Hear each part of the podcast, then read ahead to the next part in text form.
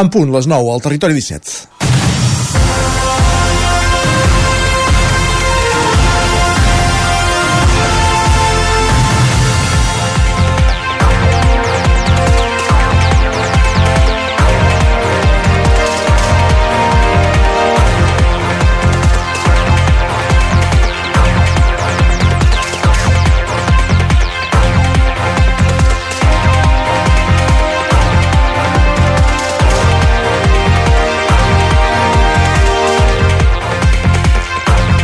La plataforma Revolta Pagesa manté els principals talls de carretera iniciats aquest dimarts, entre els quals el del Coll d'Ares, entre el Ripollès i el Vallespí. Però amb el de l'AP7 a Puntós com un dels més significatius.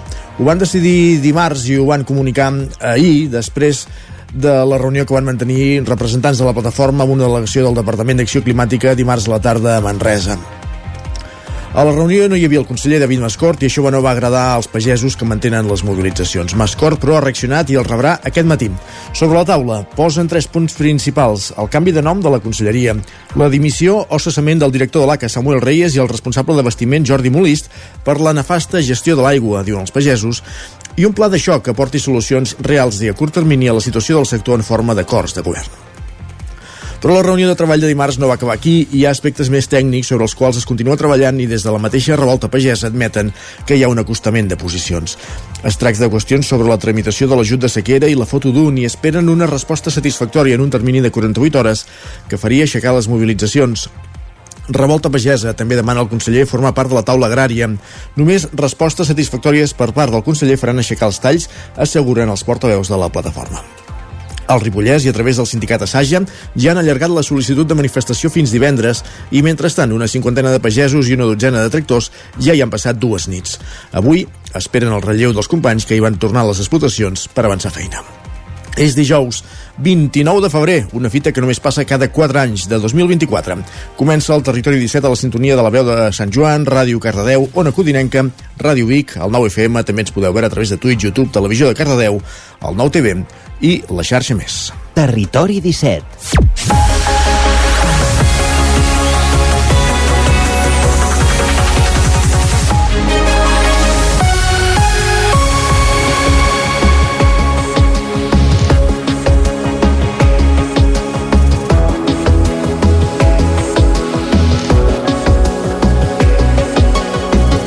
Pràcticament són 3 els minuts que passen de les 9 del matí d'aquest matí de dijous 29 de febrer de 2024, un dia que només podem celebrar o viure cada 4 anys, això del 29 de febrer, aquest és any de traspàs i ens toca i n'estem molt contents. Uh, comencem al territori 17 un dia més, el magazín de les comarques del Vallès Oriental, l'Osona, el Ripollès, el Moianès i el Lluçanès que us fa companyia cada matí durant dues hores, des d'ara fins al punt de les 11. De quina manera, amb quins continguts? Doncs mira, en aquesta primera mitja hora ens dedicarem a aprofundir en les notícies més destacades de les nostres comarques, l'actualitat del territori 17, en connexió amb les diferents emissores que dia a dia fan possible aquest programa.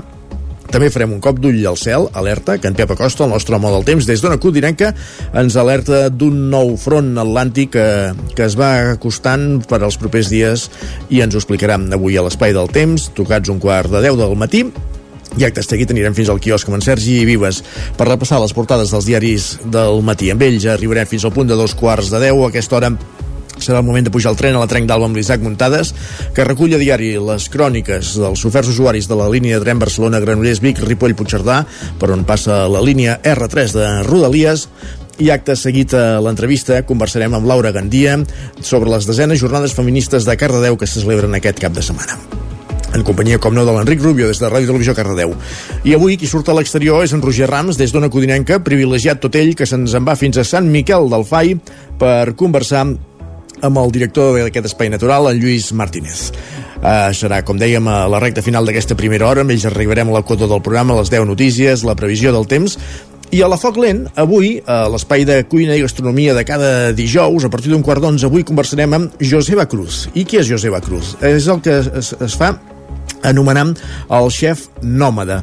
I avui participa en un sopar a sis mans al restaurant El Bart de Vic, en companyia del xef d'aquest restaurant, de l'Oriol Sala, i també d'en Raül Sagarra, el xocolater de Taradell, Per tant, avui sopar a sis mans al Bart de Vic entre el xef nova de Joseba Cruz, eh, creador del projecte Le Clandestin i mereixedor del Premi Cuiner Sostenible del Fòrum Gastronòmic 2021, en companyia d'Oriol Sala i Raül Segarra. I de tot plegat en parlarem, com dèiem, amb Joseba Cruz a partir d'un quart d'onze del matí. A dos quarts, com cada matí, repassarem el més destacat que hem trobat a X, la xarxa social abans anomenada de Twitter, en companyia d'en Guillem Sánchez, i acabarem el programa com cada dijous, dedicant-lo a la ficció. Primer al cinema, repassant la cartellera, les estrenes de la setmana a les sales de casa nostra amb en Joan Garcia i en Gerard Fosses des de la veu de Sant Joan, i acte seguit amb algunes recomanacions de, de sèries. Aquest és el menú del Territori 17 d'avui dijous 29 de febrer del 2024 i ens posem en dansa tot seguit, com no pot ser d'altra manera, repassant, com cada matí, les notícies més destacades de les nostres comarques, les notícies del Territori 17, les notícies del Vallès Oriental, Osona, el Ripollès, el Moianès i el Lluçanès. Territori 17.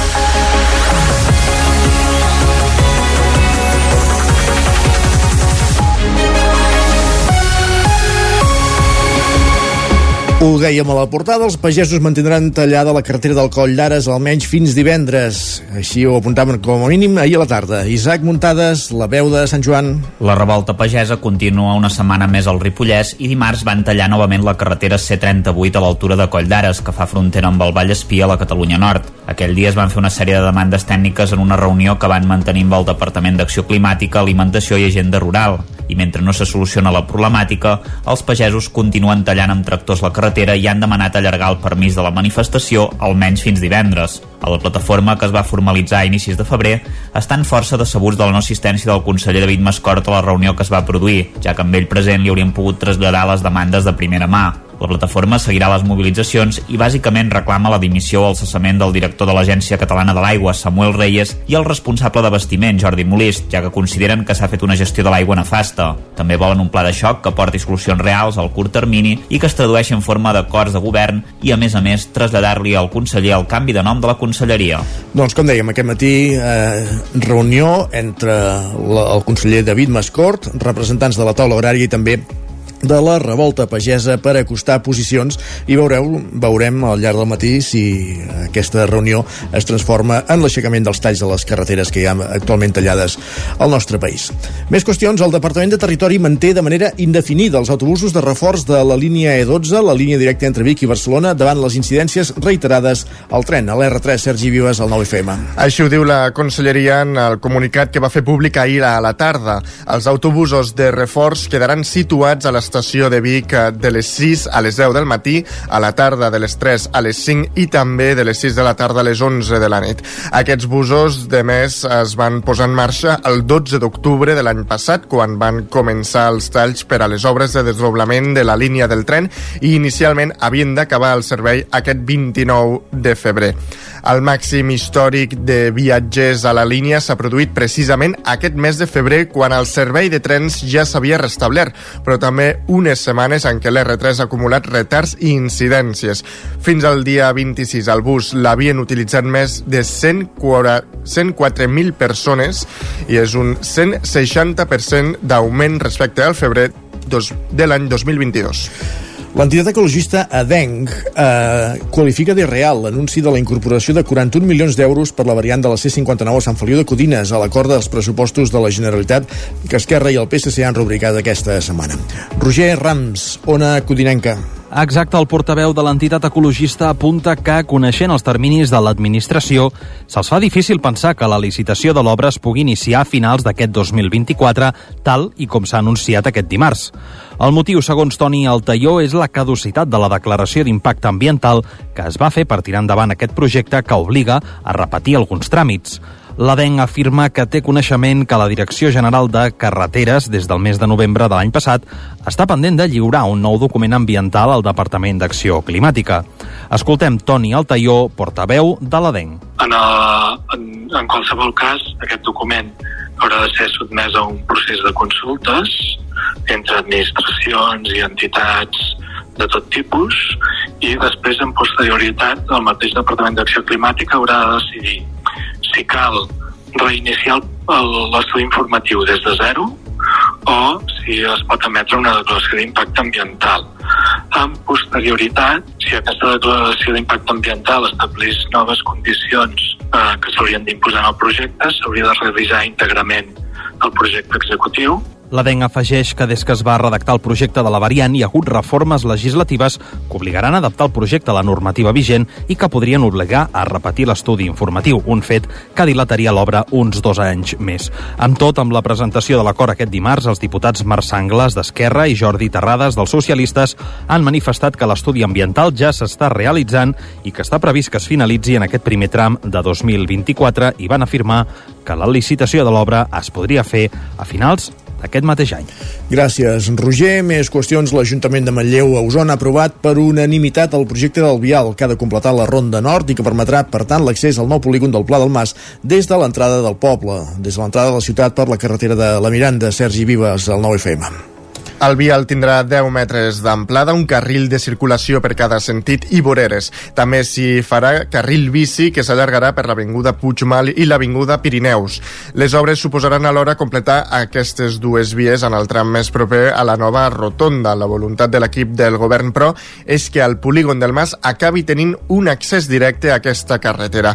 L'alcalde Arnau Rovira ho explicava al ple en resposta a una intervenció de Benjamí Nieto d'Ara Gent de Manlleu. Fa que el polígon industrial pugui tenir un, un accés digne. Sí que no ens oblidem que l'accés digne és per tots. I aquí hi ha unes cases que estaran afectades i que tindran un trànsit pesat eh, per davant que haurien de poder pensar o repensar com fem possible que eh, aquest, aquest barri doncs no passin vehicles passats. Que ens estem movent molt eh, també per, per, per, per, per aquest desenvolupament que no només va es quedi aquí, perquè és veritat, és una qüestió que, que perquè el, el sector doncs, tingui el màxim de mobilitat i màxim d'interès hauria de ser un sector que també tingués ja la sortida directament a la carretera de Torelló i així mateix ja, doncs, eh, ho estem treballant molt com a govern.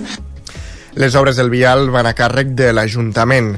Per obtenir finançament, el consistori ha obert el procés de concurs en forma de subhasta per vendre quatre parcel·les de la seva propietat al nou polígon. L'import total de licitació mínim de les quatre parcel·les és de 2,1 milions d'euros. Sentim la regidora d'Urbanisme i Desenvolupament Territorial, Marta Moreta. Qui es vulgui presentar, empreses o persones privades, que es vulgui presentar en aquest concurs públic per optar a una de les parcel·les que tenim en, en el MAS que són de, en aquest moment de propietat de, de l'Ajuntament. Sabeu que aquestes parcel·les eh, ens permetran fer l'obra d'aquesta ronda que explicàvem ara fa una estoneta i per tant animar a tothom, com ja s'ha comentat aquí, que en puguem fer tanta difusió com sigui necessari, nosaltres també ho farem des de l'Ajuntament la construcció del polígon del Pla del Mas va amb el calendari previst. Les obres d'urbanització haurien d'estar enllestides de cara a l'estiu.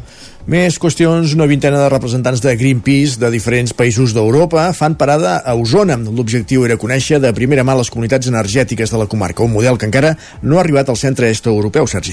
Els va rebre ahir Esther Coma, coordinadora de Medi Ambient del Consell Comarcal. Ho feia acompanyada del president de l'ENS, Gerard Sancho, i el conseller delegat de l'Agència Local de l'Energia, Albert Mercè.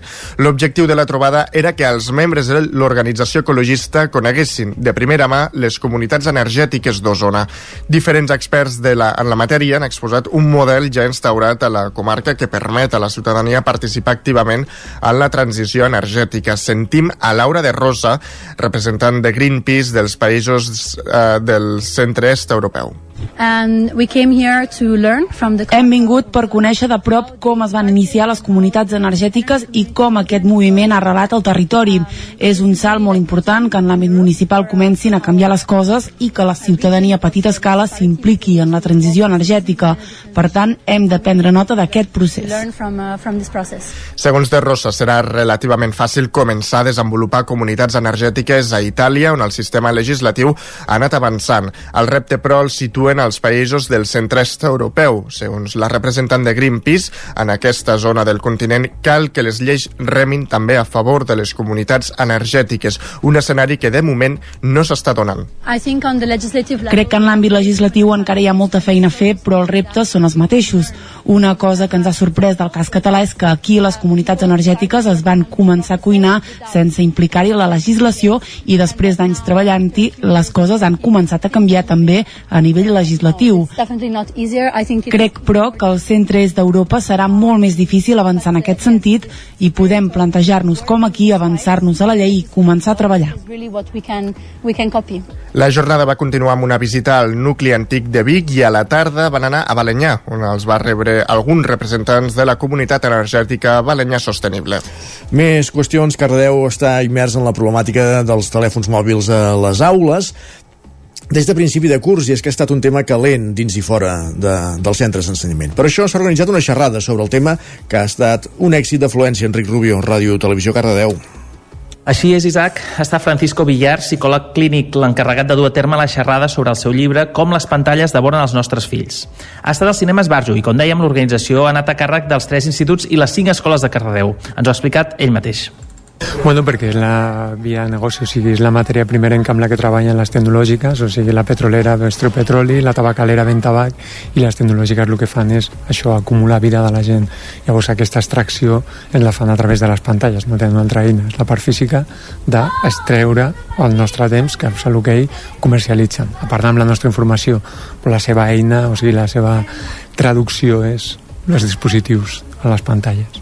Francisco Villar ha explicat que vivim en una època realment inquietant, caracteritzada per una profunda confusió i desorientació.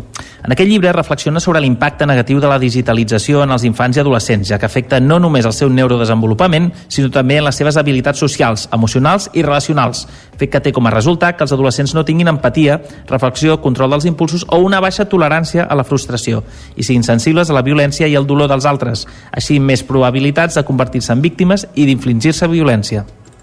Bueno, els afecten per dos vies, bàsicament. La primera és perquè és competitiu amb les coses que nodreixen el seu desenvolupament i la segona, tot l'excés aquest de ciberassetjament, tots aquests problemes afegits, no?, de lo que té a veure amb el porno, amb l'exposició amb, la, amb continguts no apropiats per a ells.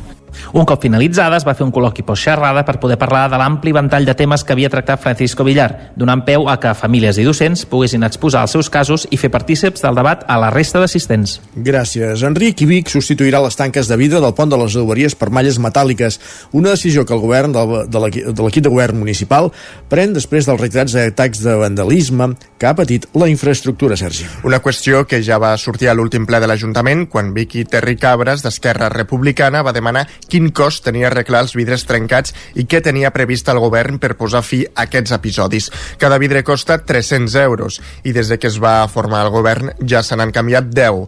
És el que costarà cadascuna de les bandes metàl·liques que s'instal·laran a partir d'ara. En total, se n'instal·laran una trentena, una solució que, segons Esther Coma, regidora de Manteniment i Serveis del Consistori Bigatà, serà definitiva, ja que no es poden trencar. Sí que és cert que quan ens ho fan, doncs ens ho fan a 3-4 vidres a la vegada, cada vidre val 300 euros, més la feina de reparar-lo i és una, un cost elevat. A més a més també és un vidre de mides especials que quan passa eh, ja tenim un estocatge però se'ns ha acabat l'estoc i doncs quan passa doncs ens hem d'esperar cert temps a que ens arribi.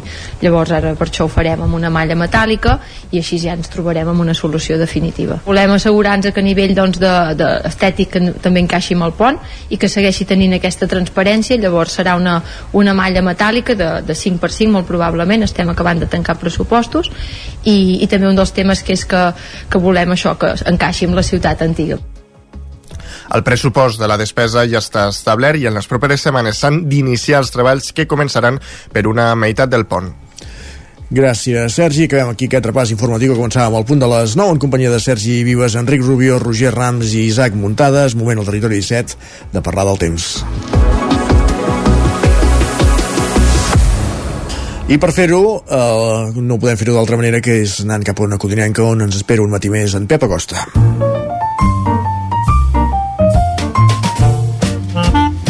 Casa Terradellos us ofereix el temps. Pep Acosta, una codinenca, quin temps farà avui? Quin temps ha fet les darreres hores? Molt bon dia.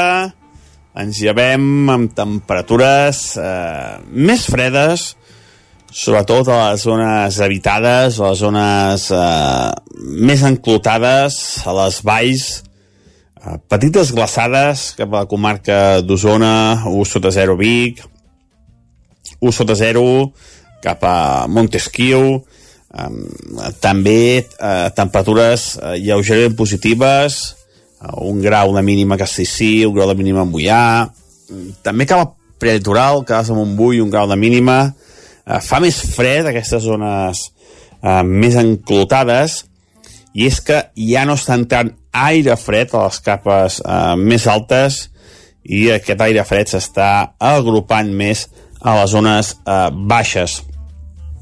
Tot i això, encara glaçat novament cap a zona del Pirineu, mínimes 4-5 sota 0, cap a zona del Baiter, uh, per fi uh, aquesta última setmana de febrer està sent bastant uh, freda, bastant normal per l'època de l'any.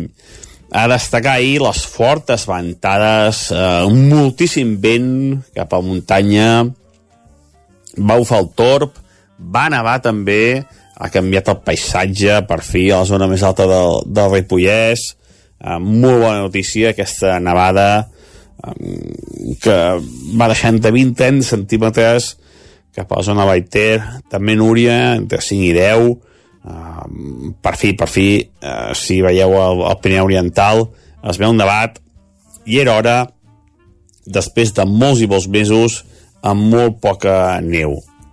Uh, se'n va al front d'ahir, uh, ha marxat, uh, només va afectar uh, zona del Pirineu, uh, les altres poblacions i, i comarques, uh, ben poca puja, però com dèiem, per sort, sí que cap al Pirineu ha plogut i ha nevat bastant aquests últims dos o tres dies. Estem ara, ara en terreny de ningú, però està entrant un altre front atlàntic per la península ibèrica, pel, pel Cantàbric, eh, per Galícia està entrant un front i aquesta nit ens pot afectar. De moment per això, durant el dia, força sol, molts núvols eh, prims, molts núvols alts, i mica en mica cada vegada més nuvolositat i aquesta nit matinada pot ploure, però aquest cop sobretot cap al prelitoral. Atenció, perquè el prelitoral eh, més, més sud, diguem, més cap al litoral, hi pot haver puntualment alguna tempesta conuixat important. Pot deixar 10, 20, 30 litres, eh, zona, diguem, de Granollers cap al sud, i pot haver una precipitació bastant important també cap al Pirineu una altra vegada. El Pirineu, eh, zona de Baiters de les pròximes, pot tornar a nevar, però serà de manera feble, entre 0 i 5 centímetres, i cap a Osona, Mollanès, eh, si arriba a ploure, també serà entre 0 i 5 litres. Eh, per tant, insisteixo que aquesta nit més per ploure és cap al prelitoral sud. Les temperatures avui, normals per l'època de l'any, moltes màximes, moltes, entre els 13, 17, 18 graus a tot estirar a les zones més càlides del preditoral poder superar els 17-18 graus en alguna població però seran poques esperem que tingueu un molt bon últim dia del mes de febrer demà 1 de març ja eh, destacarem el temps que farà el cap de setmana i aviam què ens depara els pròxims dies si per fi hi ha moviment meteorològic o no moltes gràcies i disfrutar el dia adeu a disfrutar del dia. Gràcies, Pep. Parlem d'aquí una estoneta. Casa Tarradellas us ha ofert aquest espai. Temps ara per anar cap al quiosc.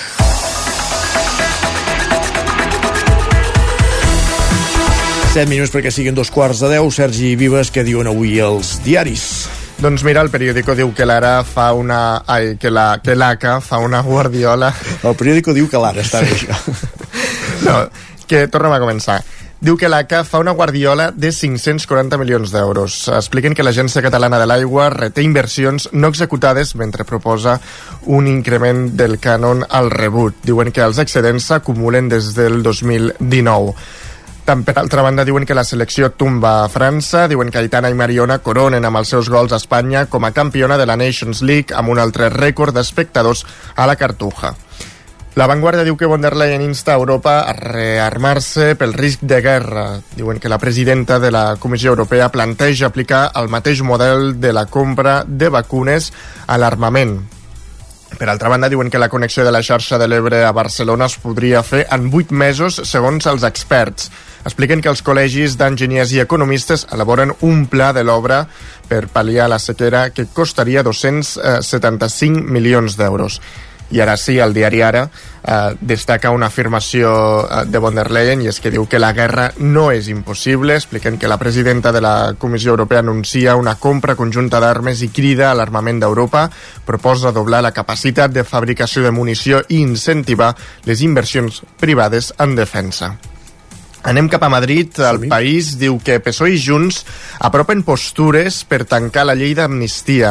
Expliquen que socialistes i, independentistes busquen afiançar la legislatura en el moment més difícil del govern. L'ABC diu que el comissionista del cas Coldo tenia un pas especial en el Ministeri d'Avalos. Uh, estem parlant de Víctor Aldama, president del Zamora Club de Futbol, que accedia al secretari general de Ports de l'Estat. Diuen que cinc involucrats segueixen treballant a transports. El Mundo diu que la Guàrdia Civil va caçar a Avalos amb la trama fa només un mes. Expliquen que es va reunir amb Coldo el 10 de gener a la nit després de sortir del Congrés en un reservat de la marisqueria La Xalana. I de doncs fet... que ahir en entrevistes deia que, que feia anys que no sabia sí, res sí, d'ella. Sí, que no ho sabia, no ho sabia. I de fet, la fotografia que ocupa la portada demostra aquesta trobada si, si veu a Avalos i Coldo junts a l'exterior d'aquest establiment. Uh, també diuen que Coldo mantenia influència amb almenys 5 càrrecs de Puente. Expliquen que la investigació acredita que conservava la seva relació amb ells i tractava d'arribar a Òscar, a un tal Òscar, el que la Guàrdia Civil identifica com el ministre Òscar Puentes. I acabarem amb la Razón, que diu que Armengol és ara el punt més dèbil de Sánchez. Expliquen que hi ha tensió a Moncloa per l'estreta relació de confiança entre Ábalos i la avui presidenta del Congrés. El PP insta Bolaños i Puente a donar explicacions i Feijo acusa Sánchez de tapar la trama. Doncs eh, titulars que trobem avui a la premsa, tant la d'aquí com la d'allà. Repassem ara digitals a l'edició del 99.cat d'Osona i el Ripollès, i el Lluçanès, i el Moianès. Doncs ens quedem a Osona. Com us explicàvem ara fa una estona, una delegació de Greenpeace visita la comarca per conèixer les comunitats energètiques locals. I a l'edició del Vallès Oriental i el Moianès. Doncs destaquen una acció del Sindicat d'Habitatge de Granollers per reclamar lloguer social per a tres famílies. Gràcies, Sergi. A tu. Nosaltres el que fem tot seguit és una petitíssima pausa per la publicitat, però tornem de seguida al territori 17, amb la trenc d'alga, de, amb l'entrevista, amb la connexió amb Sant Miquel del Fai, tot d'aquí 3 minutets. Fins ara mateix. El nou FM, la ràdio de casa, al 92.8. Cobertes serveis funeraris. Els nostres tanatoris estan ubicats en els nuclis urbans més poblats de la comarca d'Osona per oferir un millor servei. Tanatori de Vic, Tanatori de Manlleu, Tanatori de Centelles i Tanatori de Roda de Ter. Sabem que són moments difícils i per això el nostre compromís és atendre-us en tot moment amb un tracte humà, sensible i respectuós. Cobertes serveis funeraris. Telèfon 24 hores 93 883 23 46. La qualitat de les teves impressions és important per tu? Estàs cansat que els colors i les imatges no surtin com t'esperes? A Impremta Mater disposem de la tecnologia més avançada i els millors professionals per aconseguir impressions d'alta qualitat. Fem tota classe d'impresos amb acabats professionals. Llibres, catàlegs, revistes, tesis, calendaris, enquadernacions... I a més, disposem del servei d'impressió digital en gran format, roll-ups, lones, pòsters i molt més. Impremta Mater. Ens trobaràs a la carretera de Sant Hipòlit 23 de Vic o impremtamater.com Cocodril Club. Si t'agrada la bona música dels anys 60, 70 i 80, escolta el 9 FM als matins de dissabtes i diumenges d'11 a 1. És el temps del Cocodril Club, tot un clàssic de la ràdio, amb les bases del pop-rock, les llegendes, les cançons que s'han convertit en autèntics himnes. Recorda, dissabtes i diumenges al matí, d'11 a 1, al 9 FM 92.8. Cocodril Club, el programa revival de l'Albert Malla. Hasta luego, cocodrilo. Territori 17.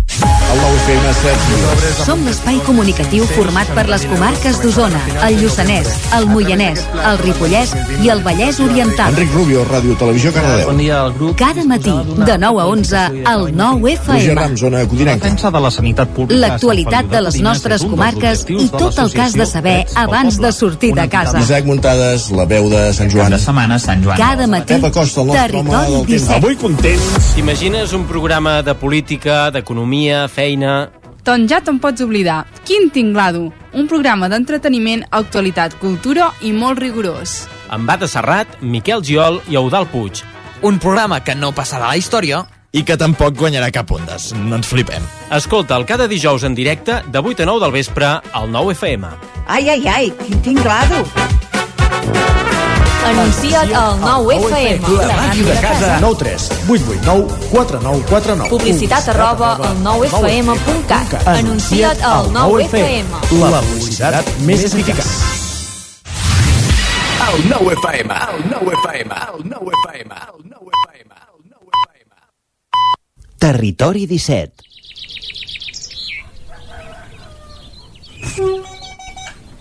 A Tren d'Alba. Cada dia els usuaris i usuàries de la línia R3 de Rodalies que veuen sortir el sol des d'un vagó ens expliquen les gràcies i les penes del primer comboi que uneix Ripoll i Barcelona o les feixugues jornades amb el tren després de treballar.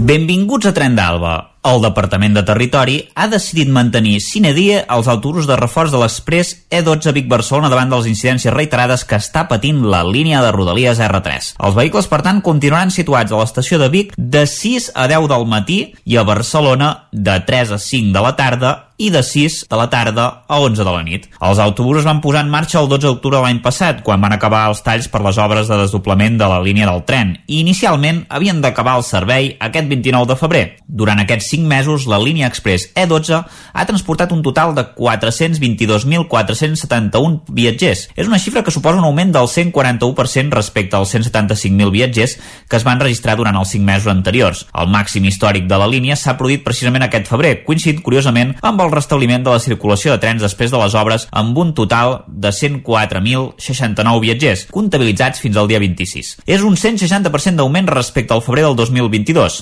L'altre gran pic de passatgers va produir al desembre amb un augment del 129% respecte al desembre de 2022, causat sobretot per la celebració del Mercat Medieval de Vic. La línia R3 de Rodalies ha patit una quinzena d'incidències des del 4 de febrer. Què us he de dir? Quan es va restablir el servei. Han estat afectacions que han provocat talls en la circulació i demores importants en els horaris. La major part de les incidències han estat relacionades amb avaries o disfuncions en la infraestructura. Els dies 6 i 7 de febrer es van comptabilitzar fins a 3 afectacions al dia que han provocat diversos retards en els trens. El Departament de Territori seguirà reclamant al Ministeri de Transportes i Mobilitat Sostenible els costos dels serveis dels autobusos que la Generalitat ha de posar en funcionament a causa dels talls i les incidències a diferents línies de rodalies. Va, en retrobem dilluns amb més històries del tren i de l'R3. Territori 17. Passen dos minuts de dos quarts de deu del matí, torn per l'entrevista al Territori 17.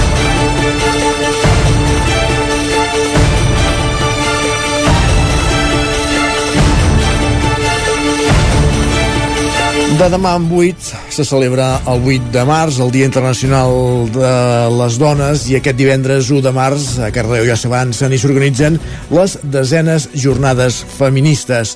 Des de Ràdio Televisió Cardedeu, com cada matí ens acompanya l'Enric Rubio. Benvingut, bon, bon dia, Enric. Qui més t'acompanya? Hola, Isaac. Bon dia, bon dia de nou. Ara sí. Uh, I com no, això que deies serà la tèxtil rase, i és que sembla que últimament tot passa per allà. Com bé deies, Isaac, són les desenes jornades i tot i que sempre han estat un important punt de trobada, cada cop compten amb una major participació. Per parlar avui amb nosaltres sobre tot això i explicar-nos bé com serà aquesta jornada, tenim amb nosaltres a Laura Gandia. Molt bon dia, Laura, com estàs? Bon dia, molt bé, moltes gràcies per convidar-nos. Benvinguda. En primer lloc, i deixa'm començar amb un mea o nostra culpa, i és que t'entrevistarem dos homes, i és que inclús en un programa on puc dir que donem veu cada setmana a moltes seccions i o entrevistes al feminisme, es veu clarament, igual que a tots els sectors, en l'àmbit que en l'àmbit comunicatiu hi ha un viatge de gènere absolutament marcat. I és segurament eh, moltes coses, però sens dubte, tant aquí com a tot arreu, és frustrant, oi que sí? Sí, Sí, és una part visible, no?, o un factor més de, de com s'expressen aquestes herències patriarcals, però sí. Isaac, et tenim... Sí, sí, continua, Enric, continua. Sí, disculpa. Uh, Laura, explica'ns, com van començar aquestes jornades feministes de, de Cardedeu? Sabem que són 10 anys, però els inicis com, com van sorgir? Vale.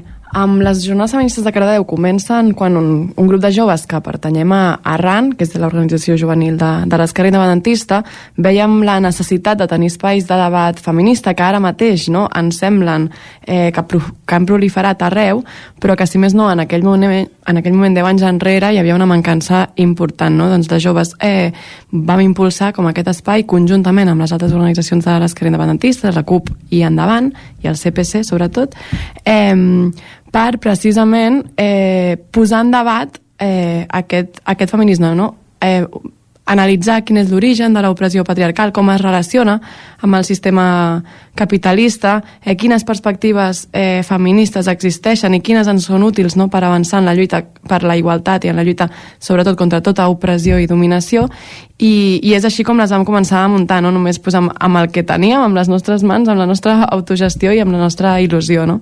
Fins aquí ha arribat i, i de quina manera, perquè déu nhi quina, quina, quina jornada. Com s'organitza precisament una jornada així? I pot participar tothom qui vulgui en aquesta preparació? Mm. Clar, aquestes jornades són, com deia, de l'esquerra independentista, per tant, és qui les impulsem i sí que obrim la preparació a altres persones que no formen part orgànicament no, de les organitzacions de l'esquerra independentista, però eh, sí que hi ha uns, uns mínims no, eh, comuns, ideològicament parlant, que, que, que compartim les persones que organitzem. No? Um, en aquesta clau que deia no, d'entendre com hi ha pues, diversos eh, feminismes o diverses maneres d'entendre el feminisme, llavors el nostre és un feminisme anticapitalista i un feminisme independentista, no? amb aquesta matriu eh, de caire també socialista, perquè entenem que, que l'opressió patriarcal es dona en relació a d'altres no? i que té una funció també eh, de reproduir el sistema econòmic dominant, que és aquest capitalisme que, que ens condemna a la misèria i que utilitza eh, aquesta opressió patriarcal per seguir eh, fomentant eh, pues, en aquest cas dones i persones d'identitats eh, dissidents no? eh, pues, més submises no? eh, etc. Llavors, des d'aquesta matriu no, pot participar-hi qualsevol, sí. Pot semblar molt obvi, però realment això que comentaves ara del capitalisme i el masclisme no és que vagin de la mà, sinó que moltes vegades acaba sent pràcticament el mateix i molta gent eh, no s'ho -huh. no suposa realment, o no s'ho planteja, això en -huh. aquest cas, no?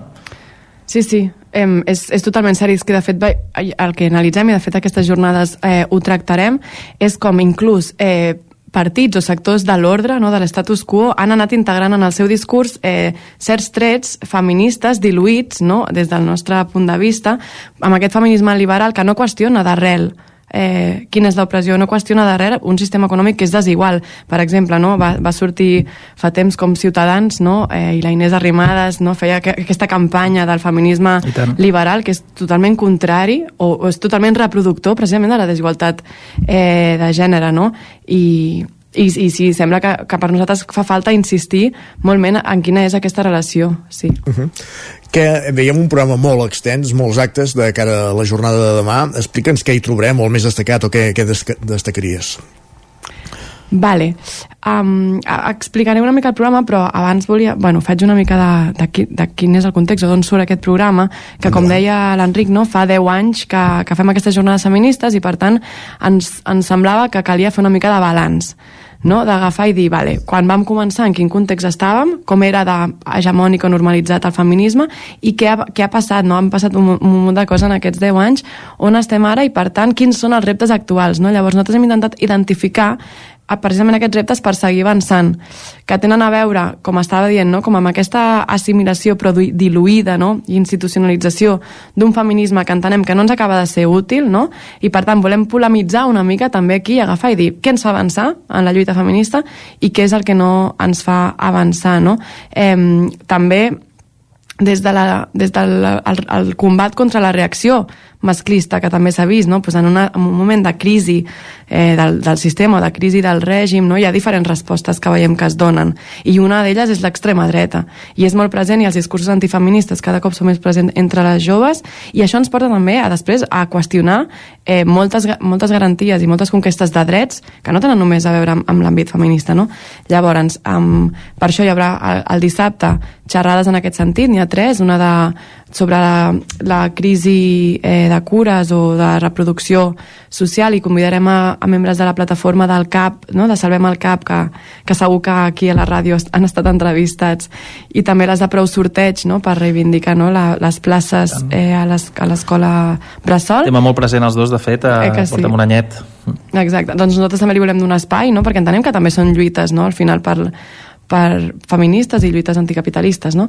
Eh, I llavors a la, al, al seguit, al matí, també tenim aquesta xerrada amb l'Adriana Llena, membre d'Endavant, eh, sobre aquesta, aquesta teoria per l'alliberament que necessitem precisament contra els intents d'assimilació o la reacció masclista, i a la tarda també una xerrada eh, com, no, com per, per treure una mica el desànim de desmobilització que veiem eh, i una mica una crida a renovar el compromís amb, amb la Patri també d'endavant i, la, i, i una membre de Granollers Feminista i el divendres tenim una, un dia una mica més lúdic eh, amb una presentació no, i una exposició que hem fet aquests 10 anys i un, i un monòleg amb la Vanessa Valero i una mica de pinxos i festeta. Aquest és una mica el programa que tenim. Mare meva, és, uh, es diu ràpid, però és el que dèiem, eh? unes jornades que molt possiblement, uh, jo no, no, no, no ho tinc al record, no? però segur que, tot i començar amb moltes ganes, no van començar amb tanta cosa i ara ja esteu uh, o sigui, ubicades i, i amb un espai amb, amb tot aquest uh, conjunt d'activitats que ens comentaves. Un dels detalls que he vist i i que m'agradaria comentar és el fet que, que hi ha servei de, servei de canguratge.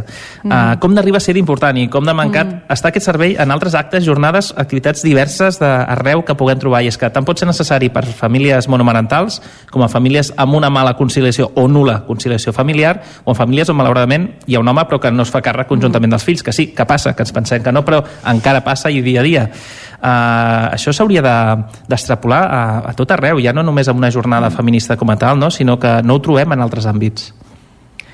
Sí, Sí, sí, molt d'acord i de fet um, nosaltres per això sempre intentem oferir aquest, aquest servei, tot i que no sempre és um, fàcil, eh, és per nosaltres una prioritat precisament pel que deies, perquè, perquè sí que hi ha la sensació, a vegades ens hem trobat, no, i segur que tothom al nostre voltant que ens hem trobat amb, amb gent que diu però ara ja la lluita feminista ja no cal, no? Una mica ja ho tenim tot, tot conquerit i, i hi ha molta, es, es veuen moltes expressions de que és, és, és real i la, i la divisió de tasques, no? o la divisió sexual del treball, i podríem dir, és molt, molt present encara avui en dia. Jo crec que amb la cura dels fills és molt, molt evident. I tot i que clar, primer que no tothom té, té, té una família no? normativa amb dos eh, com, com membres adults, com si diguéssim, on, on uh, un home es pot fer càrrec dels fills, per exemple, si això no, no passa a totes les famílies, eh, i en aquelles que passa, com deies, Enric, no, no sempre es dona una igualtat en la, en la cura, no?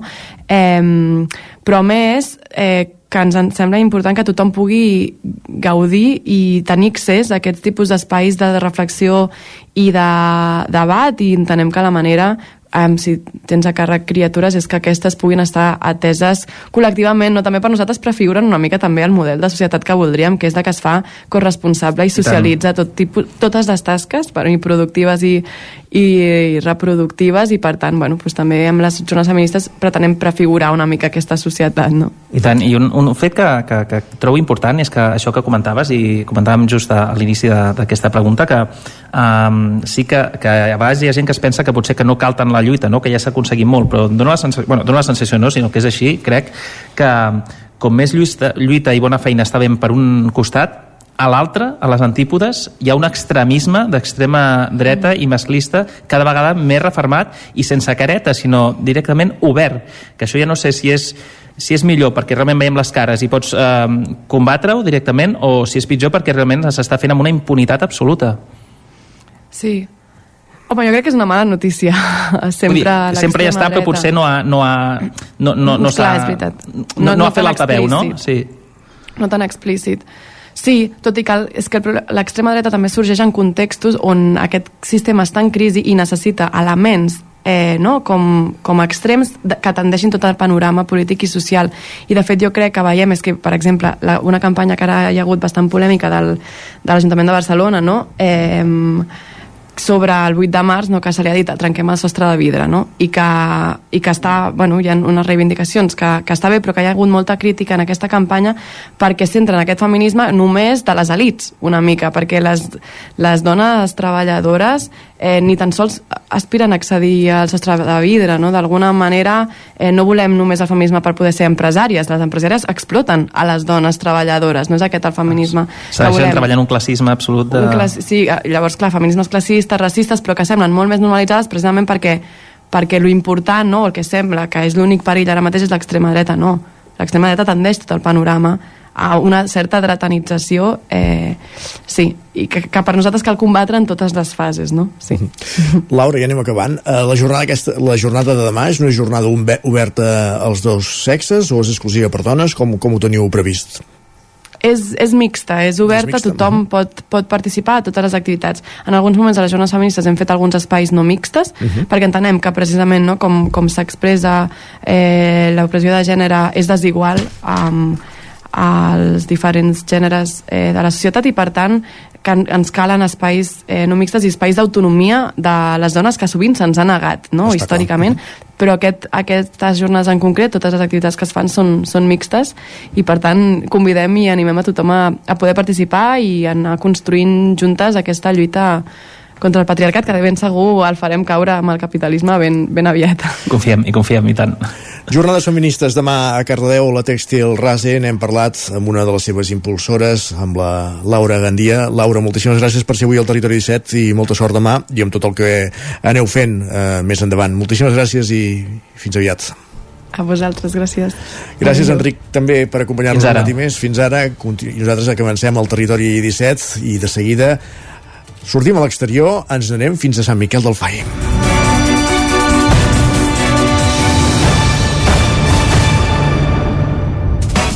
Territori 17 Mig minut que passa de 3 quarts de 10 del matí.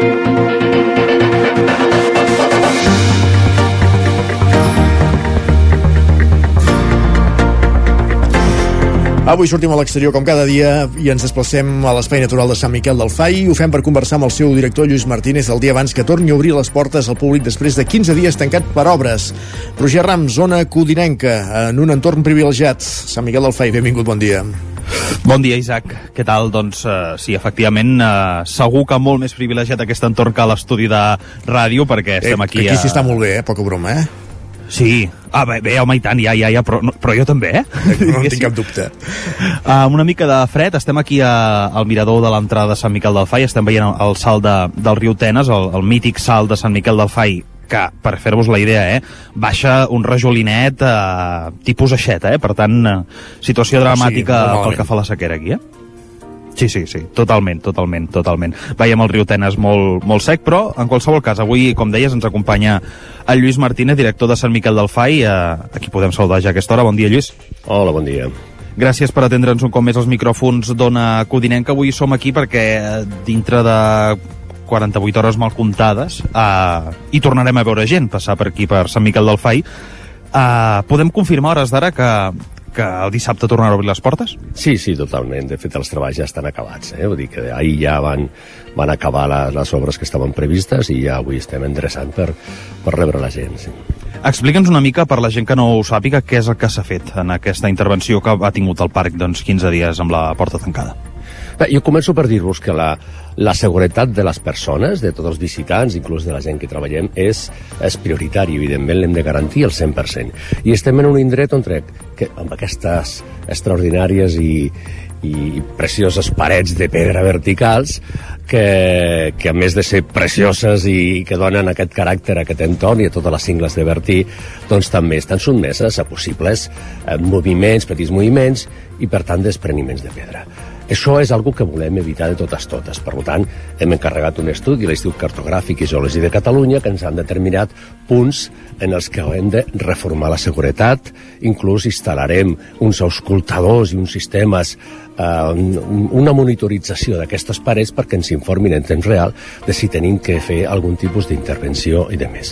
Aleshores, ara era necessari fer unes intervencions en, una, en un sector de la cinglera que afectava el pas a l'entrada dels visitants, precisament, i, i que eren bàsicament doncs, ancorar blocs de pedra, assegurar-nos de, de, de que allò que estigués a punt de caure, doncs, eh, fer-lo caure, posar malles de retenció d'aquestes pedres, d'aquests blocs, i això és bàsicament el que s'ha fet ara. Clar, jo, jo t'haig de preguntar un, un dubte que, no, que, que, que ha sorgit, diguéssim, entre la gent, que és que si realment hi havia algun problema en aquestes eh, parets, roques, perquè en fi, aquestes intervencions està clar que s'han de fer de, de forma regular, a més, ho vau explicar també quan, quan vau anunciar aquesta intervenció, però clar, hi ha, hi ha algun problema o simplement tasques que, que s'han de fer? Són tasques que, que s'han de fer i que deriven d'aquest estudi de, de l'Institut Geològic i Cartogràfic de, eh, de Catalunya que ens han entregat fa poc. Aleshores, quin ha estat el problema una mica per dir ho hem de fer ara? Doncs que tenim un altre, un altre factor limitant que és la, el període de nidificació eh, de la bifauna. No? Aleshores, per no interferir amb aquest període s'ha preferit diguem-ne, prioritzar la intervenció a l'inconvenient que podíem causar en aquestes persones que tenien la reserva aquests dos caps de setmana. Evidentment, això a partir d'ara, com que ja tenim l'estudi i la previsió es pot fer a llarg termini, doncs eh, això no ens tornarà a passar, diguem-ne, no? No, no, no és previsible. A no ser que tinguem algun incident no previst per una un, un aiguat molt intens o el que sigui que, que, que hem de tancar d'un dia per l'altre. Això eh, ja ho hem explicat moltes vegades que això pot ser que ens, que ens passi que haurem d'assumir-ho tots com una necessitat eh, per la seguretat. No? Clar, la Diputació de Barcelona va inaugurar aquest espai el 23 d'abril de l'any eh, passat, per Sant Jordi. Uh, podríem atribuir-ho, com deies, una mica el factor, entre cometes, novetada, el fet que s'hagi hagut de denunciar amb aquest eh, poc marge, diguem, i que fins i tot doncs, alcaldes d'aquí ens comentaven, ostres, sabíem que es havia de fer, però no sabíem quan. Bueno, ha estat això, ha estat això. Nosaltres, eh, des de la nostra àrea de, de la Diputació de Barcelona, d'àrea d'espais naturals, ho gestionem des de fa, això, un, un arriba dos anys i s'ha obert al públic això és quan comencem també a encarregar eh, doncs, aquests estudis i, i aquests i d'altres que tenim en marxa i això va derivant eh, intervencions, eh, actuacions que, que hem de desenvolupar. Aleshores, bueno, eh, diguem-ne que ho podem atribuir a l'inici d'aquesta fase, d'aquest període, a la que tinguem ja la informació eh, més, eh, més consolidada i podem pre ho preveurem amb, amb, amb temps i anirem doncs, ja marxant amb una certa normalitat, no? Esperem.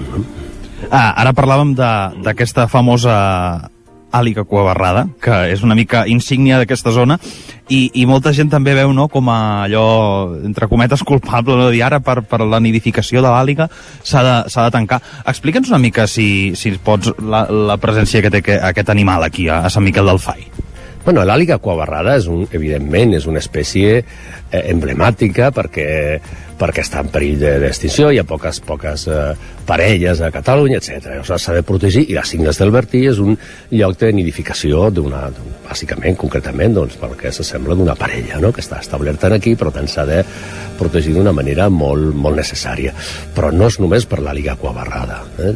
Tenim altres espècies eh, de, de, de, d'ocells, sobretot eh, d'ecosistemes eh, d'aquestes parets, d'aquests rupestres que, que viuen eh, i que fan i que nidifiquen en aquestes parets o que passen l'hivern aquí, com és el pelarroques, o altres que fins i tot nidifiquen, com és el roquerols, i no és només l'àliga coabarrada, no? sinó que precisament per ser aquest, tenir aquest entorn, aquest ecosistema eh, tan característic també és el, el nínxol ecològic, diguem-ne, d'altres espècies que es troben aquí i que no es troben en altres indrets, segurament. Per tant, eh, és la, la visió i la, la, la, la garantia, diguem-ne, de, de no afectar eh, el medi natural és molt més extensa, va més enllà que l'àliga aquabarrada. Ara, Lluís, justament estem aquí perquè hi ha hagut aquest tancament, que ara, com dèiem, s'acaba aquest dissabte, en el qual doncs, la gent ja podrà tornar. Uh, clar, Eh, és una mica polvorí Sant Miquel del Fai, perquè estem a l'entrada de març, ja pràcticament demà mateix ja és març, Uh, clar, l'estiu imagino que es preveu dur, uh, poca pluja, molta sequera, tot i que es va modificar el fet de, de tancar amb el Pla Alfa 2, una mica com encareu l'estiu des d'aquest espai que el primer que hem fet uh, quan hem començat aquesta connexió doncs és justament ressaltar no, la, la sequera que, que es fa molt palesa, no? És molt, molt preocupant la situació que tenim eh, bueno, en, tot, en molts àmbits, no? Hi ha tota Catalunya i en l'àmbit agrícola, en l'àmbit en molts, no? Aquí, evidentment, eh, doncs estem molt, molt expectants a, a la climatologia, no?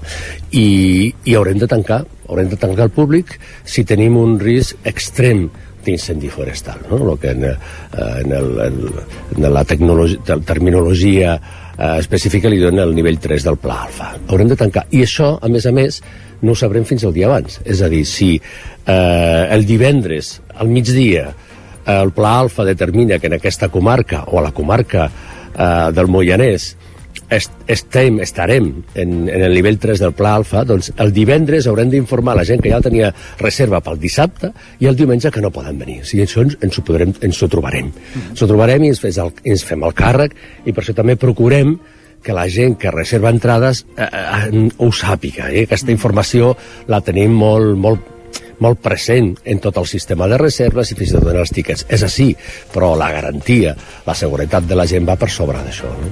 L'any passat a l'estiu això va estar tancat i barrat, aquest any, eh, sí, amb aquesta modificació s'espera que es pugui obrir una mica més.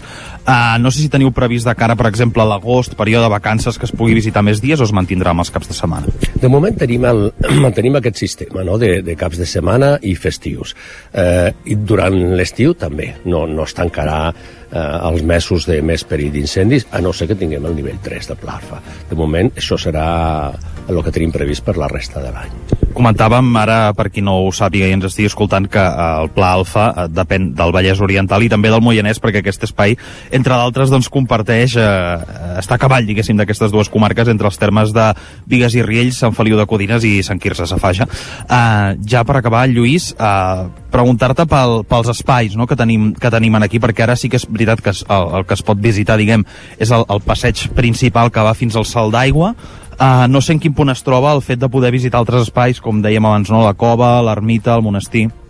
Bueno, bàsicament el que, el que ens eh, falta, jo com a element emblemàtic important des del meu punt de vista, és l'ermita de Sant Martí, que és una ermita preromànica del segle IX, evidentment, que està d'en peus, tot i que la construcció actual no és l'original, però, però bueno, sí que sabem que és un element d'un patrimoni històric molt important.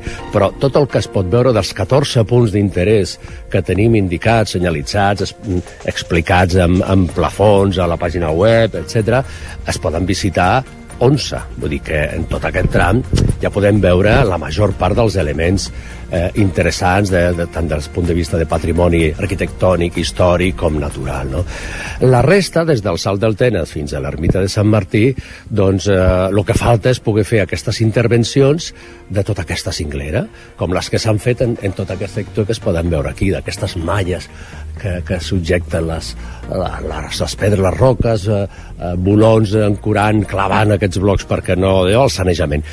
I com podem veure, la gent que ve per aquí pot, pot observar perfectament el sector que de cinglera entre el Salt del Tenes i l'ermita de Sant Martí és molt gran, és molt alt, és molt complex. Les tasques per assegurar la visita de la gent eh, doncs, eh, que s'han de fer són molt complexes i molt costoses i no es podran fer, es pot, la, la voluntat és, és fer-les, però no es poden fer d'avui per demà. No? Per tant, en, en fases hem d'imaginar. Sí, a més a més, no es podrà fer ni tan sols en una sola fase, s'haurà de fer, com, com bé dius, en, en fases perquè la intervenció és molt complexa. Clar, perquè al final, eh, jo, ja, eh, com dèiem per acabar, eh, o sigui, et queda la sensació no, que la Diputació ha fet l'aposta de de, de al final invertir diners en aquest espai i obrir-lo, però, però clar, potser eh, em fa pensar que no es havia calibrat prou eh, l'envergadura de tot plegat, no? perquè els diners que s'han invertit han servit per tenir això eh, molt, en molt bon estat, diguéssim, assegurat i de més, però, però clar, hi ha aquesta resta d'espais no? que, que, que potser s'hi hauria d'haver pensat més de dir, ostres, necessitarem més calés per fer això, perquè deixar-ho obert potser a mitges tintes... Bueno, tampoc, com deia, jo crec que podem veure la, la, el 80% de lo interessant d'aquest que aquest espai es pot veure, es pot visitar, no? Eh, jo puc parlar des de que estic al, al davant de la gestió d'aquest equipament, no? I el que sí que és, el que us puc dir és que hem encarregat eh, estudis no només a empreses expertes, sinó també a, a, aquest, a, aquest departament públic no, de l'Institut Cartogràfic i Geològic i a partir d'aquests estudis és quan estem veient eh, la, la situació, no? el que hem de fer i el que no s'ha de fer, i la voluntat eh, política expressada públicament és de que es posaran els mitjans econòmics perquè es pugui fer aquestes intervencions de consolidació d'aquesta ciclera. Eh, sí, eh, jo és el que... Ara també us dic que, que des de que la Diputació ho va adquirir fins ara la inversió ha estat eh, de més de 5 milions d'euros, vull dir que s'ha fet una, una inversió molt gran perquè no només ha estat aquestes parets, és que s'ha fet s'ha canviat moltes estructures per garantir la seguretat, més d'un quilòmetre de, de barana que no complien normativa, instal·lacions elèctriques, aigua, etc. Vull dir, moltes coses que, que abans estaven en unes condicions eh, bastant deficients, no? Vull dir que la inversió que s'ha fet fins ara també ha estat molt, molt notable. No? Doncs Lluís Martínez, director de l'Espai Natural de Sant Miquel del Fai, moltes gràcies un cop més per passar pels micròfons d'una codinenca, per atendre'ns i, en fi, per, per ser avui en aquest espai i, i parlar de, tant de, de present com de futur. Gràcies. Gràcies a vosaltres, bon dia. Gràcies també, Roger, un matí més per acompanyar-nos en aquest cas des de l'exterior, des de Sant Miquel del Fai i, i bona estada en aquest parc, en aquest espai. Bon dia. Moltes gràcies, bon dia, fins ara. Arribarem a les 10 amb música, com ens agrada, amb calma. És el videoclip del nou disc de roba estesa, ara que aquest grup tarragoní celebra el desè aniversari, un nou disc de lo bo, lo millor, i en aquesta cançó, amb calma, amb la col·laboració d'Antònia Font. Fins a les 10. Fi, fi, mira, fi,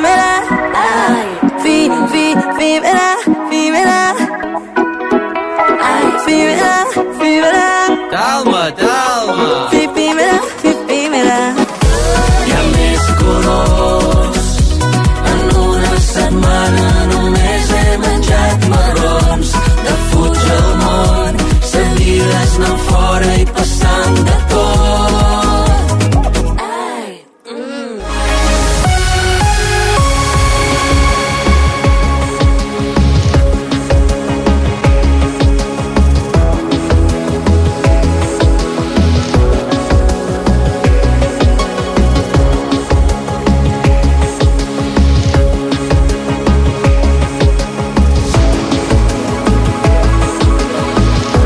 Moment per actualitzar-nos, moment per les notícies al territori 17, en connexió amb les diferents emissores que dia a dia fan possible aquest programa, una Codinenca Ràdio Cardedeu, la veu de Sant Joan, Ràdio Vic, el 9 FM, ens podeu veure també a través de Twitch, YouTube, Televisió de Cardedeu, el 9 TV i la xarxa més. Un repàs informatiu en connexió amb totes aquestes emissores per explicar-vos aquesta hora que després d'anys de lluita des de l'escola i el poble, finalment el pressupost de la Generalitat preveu estudiar la construcció, preveu estudiar-ho, eh, tot just, la construcció del nou edifici de secundària de l'Institut Escola Pallarola de Cardedeu. Enric Rubio, Ràdio Televisió Televisió Cardedeu. Hola, sí, Isaac, eh, així és. Eh, preveu i per això també la gent de...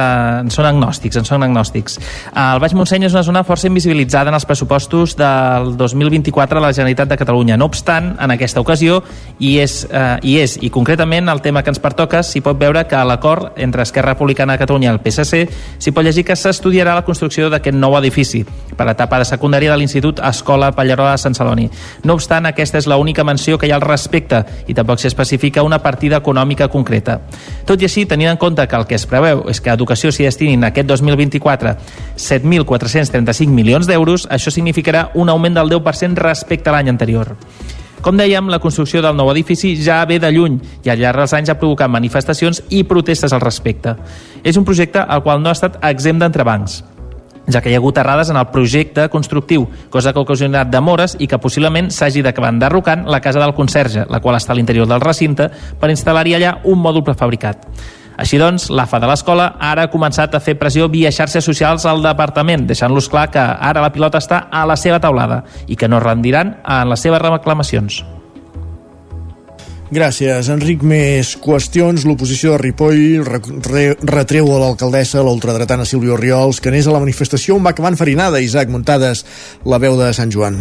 Diversos grups de l'oposició de Ripoll van aprofitar el ple de dimarts per retreure-li a l'alcaldessa Sílvia Oriols que es personés a la concentració pro-palestina convocada a la plaça de la Lira per l'Organització Juvenil Socialista de Catalunya del 9 de febrer i que va derivar en l'enfarinada de l'alcaldessa i l'agressió a alguns membres de l'equip de govern. El regidor de l'Alternativa per Ripoll CUP, Dani Vilaseca, va dir que eren uns fets lamentables però que a principis de mandat els Mossos d'Esquadra i la policia local van acordar que aquest govern mereixia una protecció especial perquè hi havia cert perill per la seva integritat física i per tant no entenia per què hi havia anat. Vilaseca també va dir-li que patia perquè allò hagués pogut acabar en una batalla campal i no entenia que anés a un acte il·legal. No va passar per aquella plaça perquè sí o perquè era casualitat, sinó que va fer-ho premeditadament. Quatre dies abans vostè va fer una publicació dient assistiré a aquest acte. Va fer-ho, està publicat. Vostè va dir en el Twitter que vostè assistiria a aquest acte, quatre dies abans. Sí, sí. I vostè va anar escalfant aquest acte durant uns quants dies. Abans, l'alcaldessa ja havia contestat a la porteu de Junts, Manoli Vega, que ella tenia tot el dret d'assistir als actes que considerés. Diu que no havia de passar per aquella plaça. Escolti, eh, vostè és regidora a l'oposició, però quin dret té a dir-me a mi per quina plaça he de passar? És que només faltaria. És que només faltaria que els ripollesos no poguéssim circular lliurement i tranquil·lament per tot Ripoll. És que només faltaria que haguéssim de demanar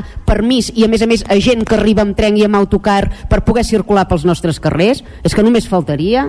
La porteu Juntaire, que havia condemnat els fets, va recordar-li que va fer una ruta curiosa per anar a la biblioteca. És que d'anar de l'Ajuntament fins a la biblioteca no has de passar per la Lira si no vols. Per tant, només he dit això. Vostè i tant que té el dret d'anar a tot arreu, amb una manifestació, i tant que té el dret. Però, dit això, sí que hi havia, una, per mi, crec, una prioritat, que era anar a l'entrega de prèmits. A la biblioteca hi havia un lliurament de diplomes als millors expedients acadèmics del curs 2022-2023, en què l'alcaldessa i el regidor de Cultura, Albert Santandreu, no van poder assistir i van disculpar-se per aquest fet. Vilaseca va acabar entregant els premis com a professor de l'Institut Abat Oliva i com a regidor. El regidor del PSC, Enric Pérez, va aconsellar-los que no posessin en perill la seva integritat física ni la dels cossos de seguretat que els han de protegir. Oriols va dir que aquell dia la policia local va fer diverses identificacions i es va obrir un expedient per la celebració d'aquest acte il·legal. Gràcies, Isaac. Tothom té dret a circular per Ripoll i per on vulguin, siguin Ripoll, Lloesos o, o foranis, com diu l'alcaldessa. Caldes de Montbui participa a la reunió de l'Associació de Viles Termals de Catalunya, una entitat de nova creació que treballa per continuar impulsant el termalisme. Roger Ram, zona codinenca. Exacte, aquesta és una associació que va néixer fa tot just dos anys i que compta amb la participació d'un total de 16 municipis, entre ells, evidentment, Caldes de Montbui, però també d'altres, com el Vallèsà, la Garriga, Sant Hilari Sacalm o Caldes de Malavella. Tots aquests municipis es van reunir precisament a la Garriga, al Vallès Oriental, la setmana passada, per tal de teixir la línia seguir i proposar els reptes de futur del termalisme a casa nostra, tal i com explica l'alcalde de Caldes i també president d'aquesta associació, Isidre Pineda. És molt interessant el fet de compartir les experiències i aquesta identitat amb diferents viles termals i realment, eh, tot i ser una associació bastant recent, eh, doncs estem molt satisfets de la rebuda que estem tenint de les diferents administracions, diputacions eh, en especial i també de la vinculació que estem creant amb l'associació balneària amb qui eh, doncs, eh, treballem conjuntament la promoció de les nostres viles. Entre els objectius hi ha el de crear un espai comú de coneixement, mitjans i també activitats per aconseguir un desenvolupament sostenible i dur a terme actuacions d'investigació, desenvolupament i innovació entorn als recursos termals. Un altre dels objectius d'aquesta associació, sorgit d'aquesta trobada, és el de promoure la millora i manteniment de l'espai turístic urbà dels municipis associats i implantar actuacions de protecció mediambiental i sanitària a les aigües minerals termals. A Vic, l'Atlàntida torna a programar a l'entorn del 8 de març el cicle en veu de dona, que vol reivindicar les veus femenines en les diferents facetes de l'àmbit cultural. El 9FM, Sergi Vives. El cicle començarà el mateix 8 de març amb una proposta de, sege de segell osonenc a Flor de Pells, del cor de noies nàiades, i de la comarca també hi actuarà Carla, que hi presentarà el seu últim treball, Eclipse.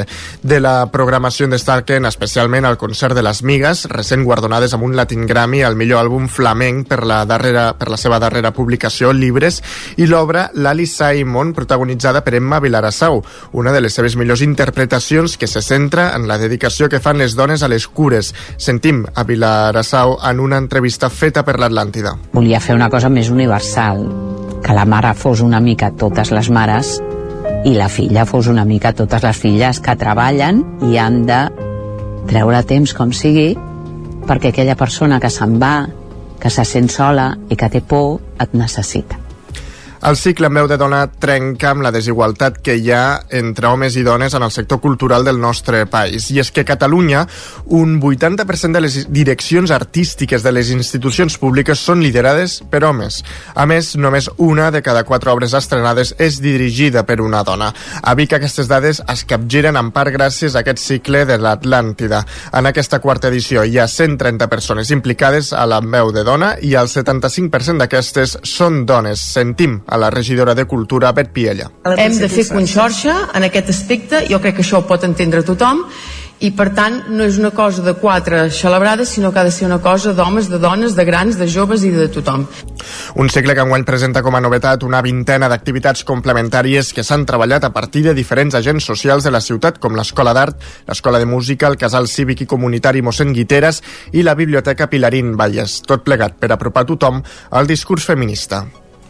Després que l'Ajuntament i l'organització del Carnaval de Terra Endins desqualifiquessin eh, quatre colles carrossaires del 46è Carnaval de Terra Endins perquè els seus conductors havien marcat que havien consumit alcohol, ara revisaran el reglament. Sergi Vives. Una normativa que no tothom la va entendre de la mateixa manera. Per aquest motiu hi va haver cert descontent amb l'Ajuntament. Marta de Gès, secretària d'ACTE, l'Associació de Carnaval de Terra Endins, i Marcel Ortuño, l'alcalde, expliquen què va passar des de les seves perspectives. Les colles afectades entenen la decisió, la respecten, potser no la comparteixen del tot, però sí que, que vam quedar tots mm, amb el compromís això, eh, de, de revisar, a veure com es poden fer les coses millors. La normativa diu que és 0-0, no diu la normativa que per ser 0-0 s'hagin de desclassificar, però sí que en aquell moment es va veure que havia de ser així. Sí que vam dir que és una decisió que, que, que es va prendre en aquell moment, que es tornaria a prendre si es tornés a, a decidir i també en quant a, als controls doncs també és un tema que s'ha de reformular així doncs, l'objectiu ara és revisar el reglament perquè tothom l'entengui de la mateixa manera i deixi de causar confusió.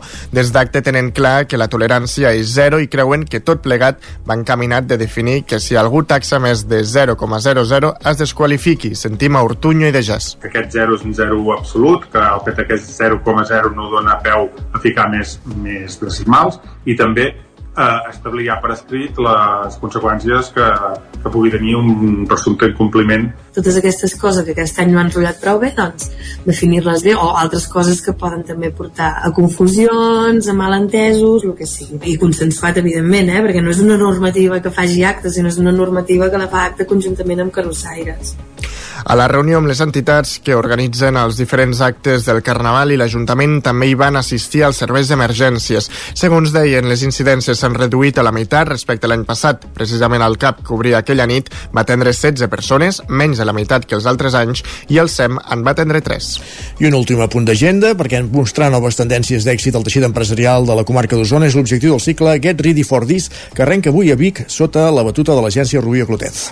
A banda de connectar empreses del territori amb les noves tendències en comunicació i ser escenari de noves sinergies, l'objectiu del cicle Get Ready for This és també donar un missatge, que la creativitat pot ser en el centre de totes les empreses de la comarca i per, ser, i per fer-ho començaran amb el cas de Deleito. Rai Recode, fundador d'aquesta exitosa marca d'hamburgueses, protagonitzarà avui a partir de les 7 de la tarda la primera de les tres sessions que s'allargaran fins al mes d'abril. Gràcies, Sergi. Acabem aquí aquest repàs informatiu que començàvem al punt de les 10 en companyia de Sergi Vives, Enric Rubió, Roger Rams i Isaac Muntades. És moment al territori 17 de saludar l'home del temps, en Pep Acosta.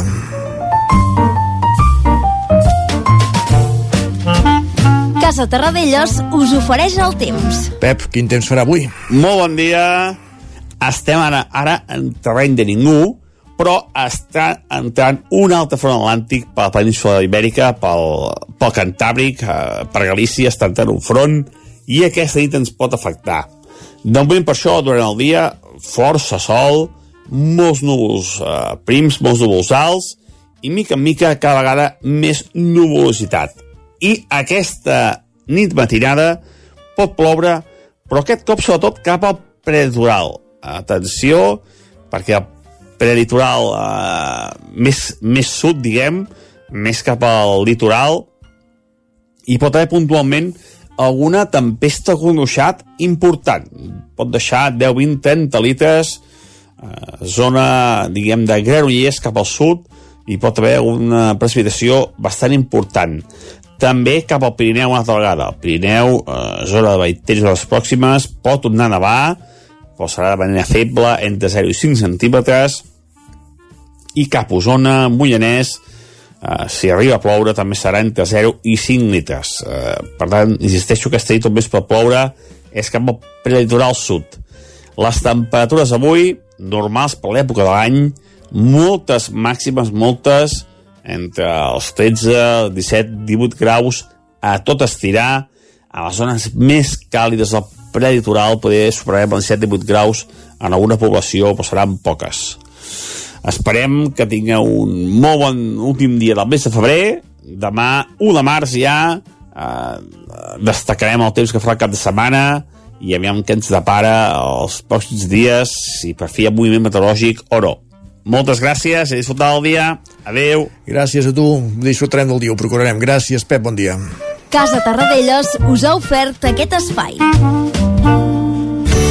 Territori 17. Envia'ns les teves notes de veu per WhatsApp al 646 079 023. 646 079 023. WhatsApp Territori 17.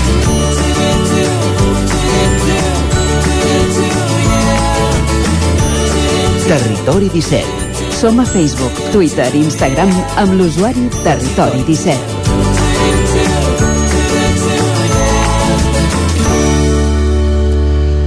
Un minut perquè sigui un quart d'onze del matí, entrem a la cuina.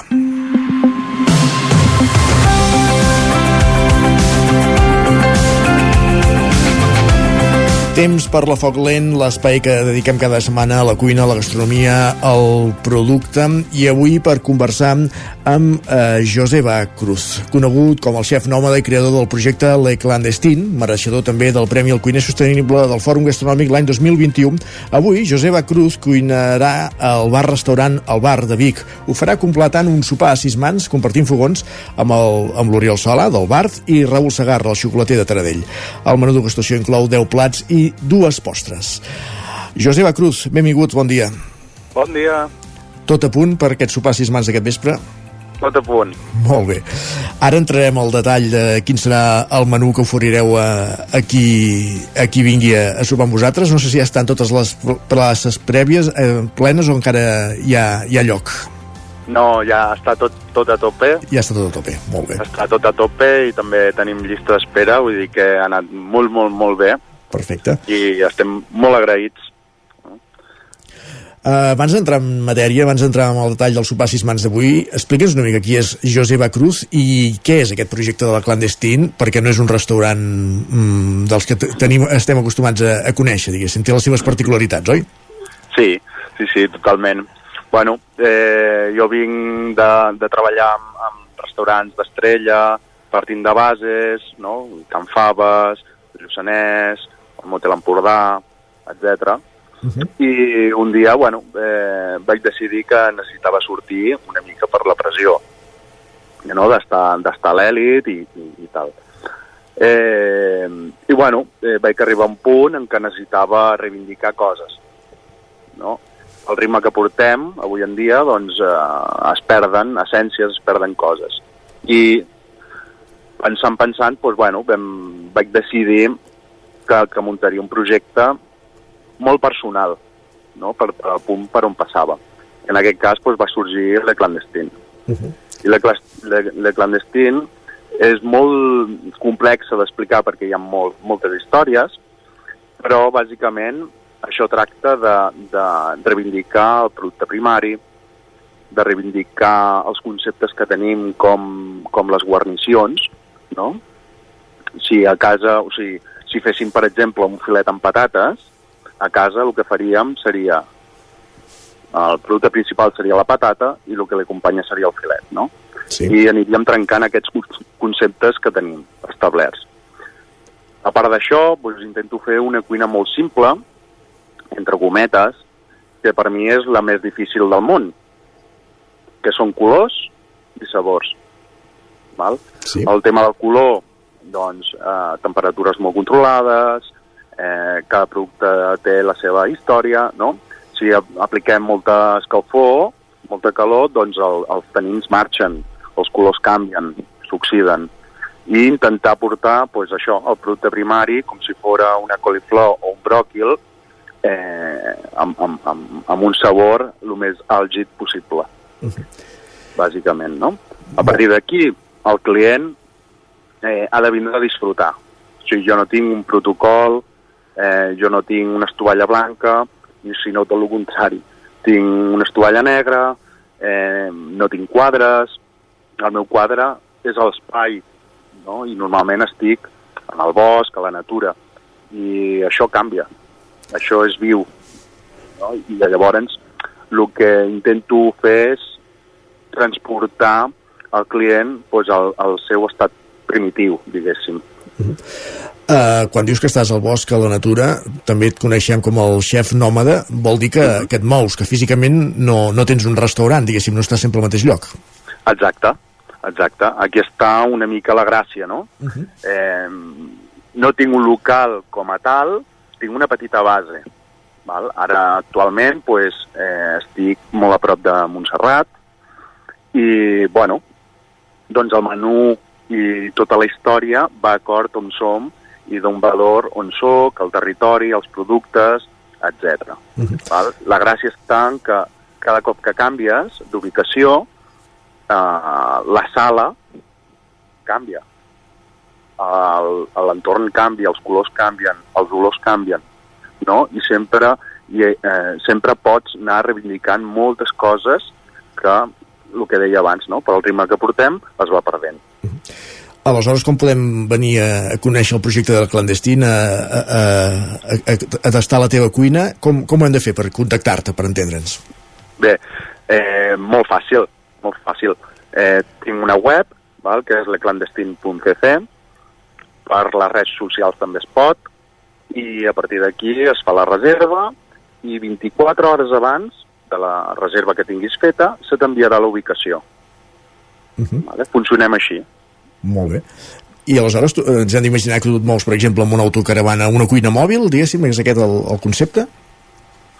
Sí, jo tinc, jo tinc com una food truck, no? que això em serveix mm, per, per tindre una cuina mòbil, que pot ser també un centre d'investigació eh, per les meves coses, etc. però també monto mm, una cuina física. Val? O sigui, aquí hi ha una història que és eh, ens canviem de lloc i és un trasllado, no? I en res, o sigui, el dia següent, pum, de cop i volta, eh, visualment, hi trobes un restaurant, que aquí no hi era. No? Llavors, bueno, eh, amb el tema de la cuina és una mica complexa, perquè, clar, amb els llocs on, on, on hi vaig caparar, eh, llum no n'hi ha, i si n'hi ha, hi ha mínims. Um, aigües no n'hi ha, ni n'hi ha, n'hi ha mínims. No? Hi ha moltes mancances, entre cometes, per, per poder fer tot el que fem, no? Mm. Però això és un treball personal. Sempre penso, el dia que torni a tindre una cuina o un restaurant com a tal, ah, tindré un bagatge molt fort, no? I, i per mi és un punt eh, essencial. Està clar. Avui fas parada, com dèiem, a Vic, al Bart, en companyia de, del xef d'aquest restaurant, de l'Oriol Sala i d'en Raül Segarra, amb aquest sopar a sis mans, pel qual ens deies ja, ja no queda lloc, però que, com dèiem, eh, un, feu, oferiu un menú de degustació de 10 plats i, i dues postres. Com ha estat el treball, diguéssim, de preparació d'aquest sopar eh, amb l'Oriol i, i en Raül? Doncs molt maco, la veritat. Eh, no ens havíem trobat, sigui, ens, ens, ens coneixíem, sabíem el què i el com, però encara no ens havíem trobat físicament i molt bé, són, són molt trempats, són molt, molt professionals i molt fàcil. Mm -hmm. O sigui, mm, la gràcia de tot això és que ens anem a divertir, no? Ens anem a divertir, eh, el 29 doncs a aquesta data passa a ser, em sembla que cada quatre anys. Correcte. És un dia, un dia especial. Eh, tenim moltes ganes, amb molta il·lusió, i tenim un objectiu comú, no? Mm. Que és eh, que el client s'ho passi bé, que ens divertim tots i que, féssim, que fem família. Vaja.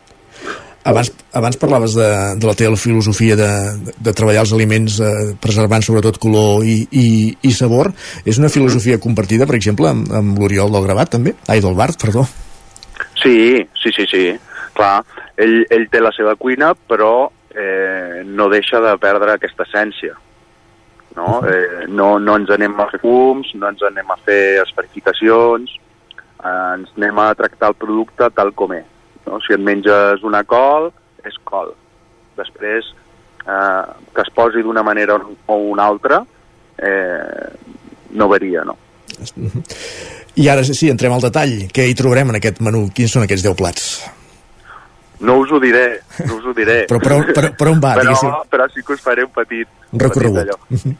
Mira, eh, començaríem... eh, El client quan ve eh, s'hi trobarà dos, tres aperitius amb jocs, no?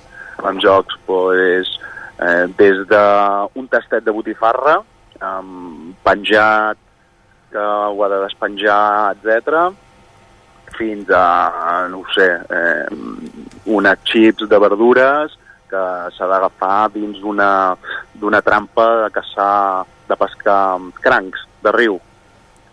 No? Mhm. Llavors, bueno, el menú engega sempre amb un, amb un caldo, amb una aigua, amb una infusió, amb un consomé. Això és molt important perquè pensem que s'ha de preparar el cos per tot el que ve, perquè això no es fa cada dia i és imprescindible i durant tot l'àpat hi haurà plats que el client s'haurà d'acabar. No? Hi, hi, hi haurà molta eh, intuïció no? a, a, a què fer a cada plat. Val? Passem, doncs, tenim carns, carn, tenim caça, tenim peix, tenim marisc, tenim gra, tenim molta verdura, vull dir que fem, fem un menú molt equilibrat en tots els sentits. Uh -huh. Experiències com aquesta de, de sopars a 4, 6 mans, com la que presenteu avui, n'havies fet n'havies tingut abans, n'havies fet d'altres? Sí, n'havia fet eh, alguna, però cada lloc, cada menú, cada persona, cada espai és diferent. Llavors, eh, sempre és com tornar-ho a fer per primer cop. I una mica com ha estat el procés? Digues, si em deies, que, deies abans que no us havíeu trobat, eh, abans entenem que a l'hora de, de dissenyar aquest menú sí que us heu trobat, que heu treballat juntament, cadascú ha fet un, un, una, un, uns plats o, o heu, treballat eh, realment a, a, a 4 o 6 mans? Ho hem, bueno, vam fer una taula... Perdona. Digues, digues. Vam fer, vam fer una taula, Uh -huh. ens vam assentar i vam començar a dir bogeries, no? Per on comencem, quin seria el tema, i a partir d'aquí eh, es va anar mm, cada cop triant les coses, no? Anar-les posant a puesto. Llavors, eh, molt fàcil, perquè de vegades t'hi trobes que, que, bueno, cadascú té uns pensaments molt diferents o té una cuina molt diferent i de vegades no és que costi, però eh, no acabes d'anar a, a la una, no? En aquest cas no, no ha sigut així.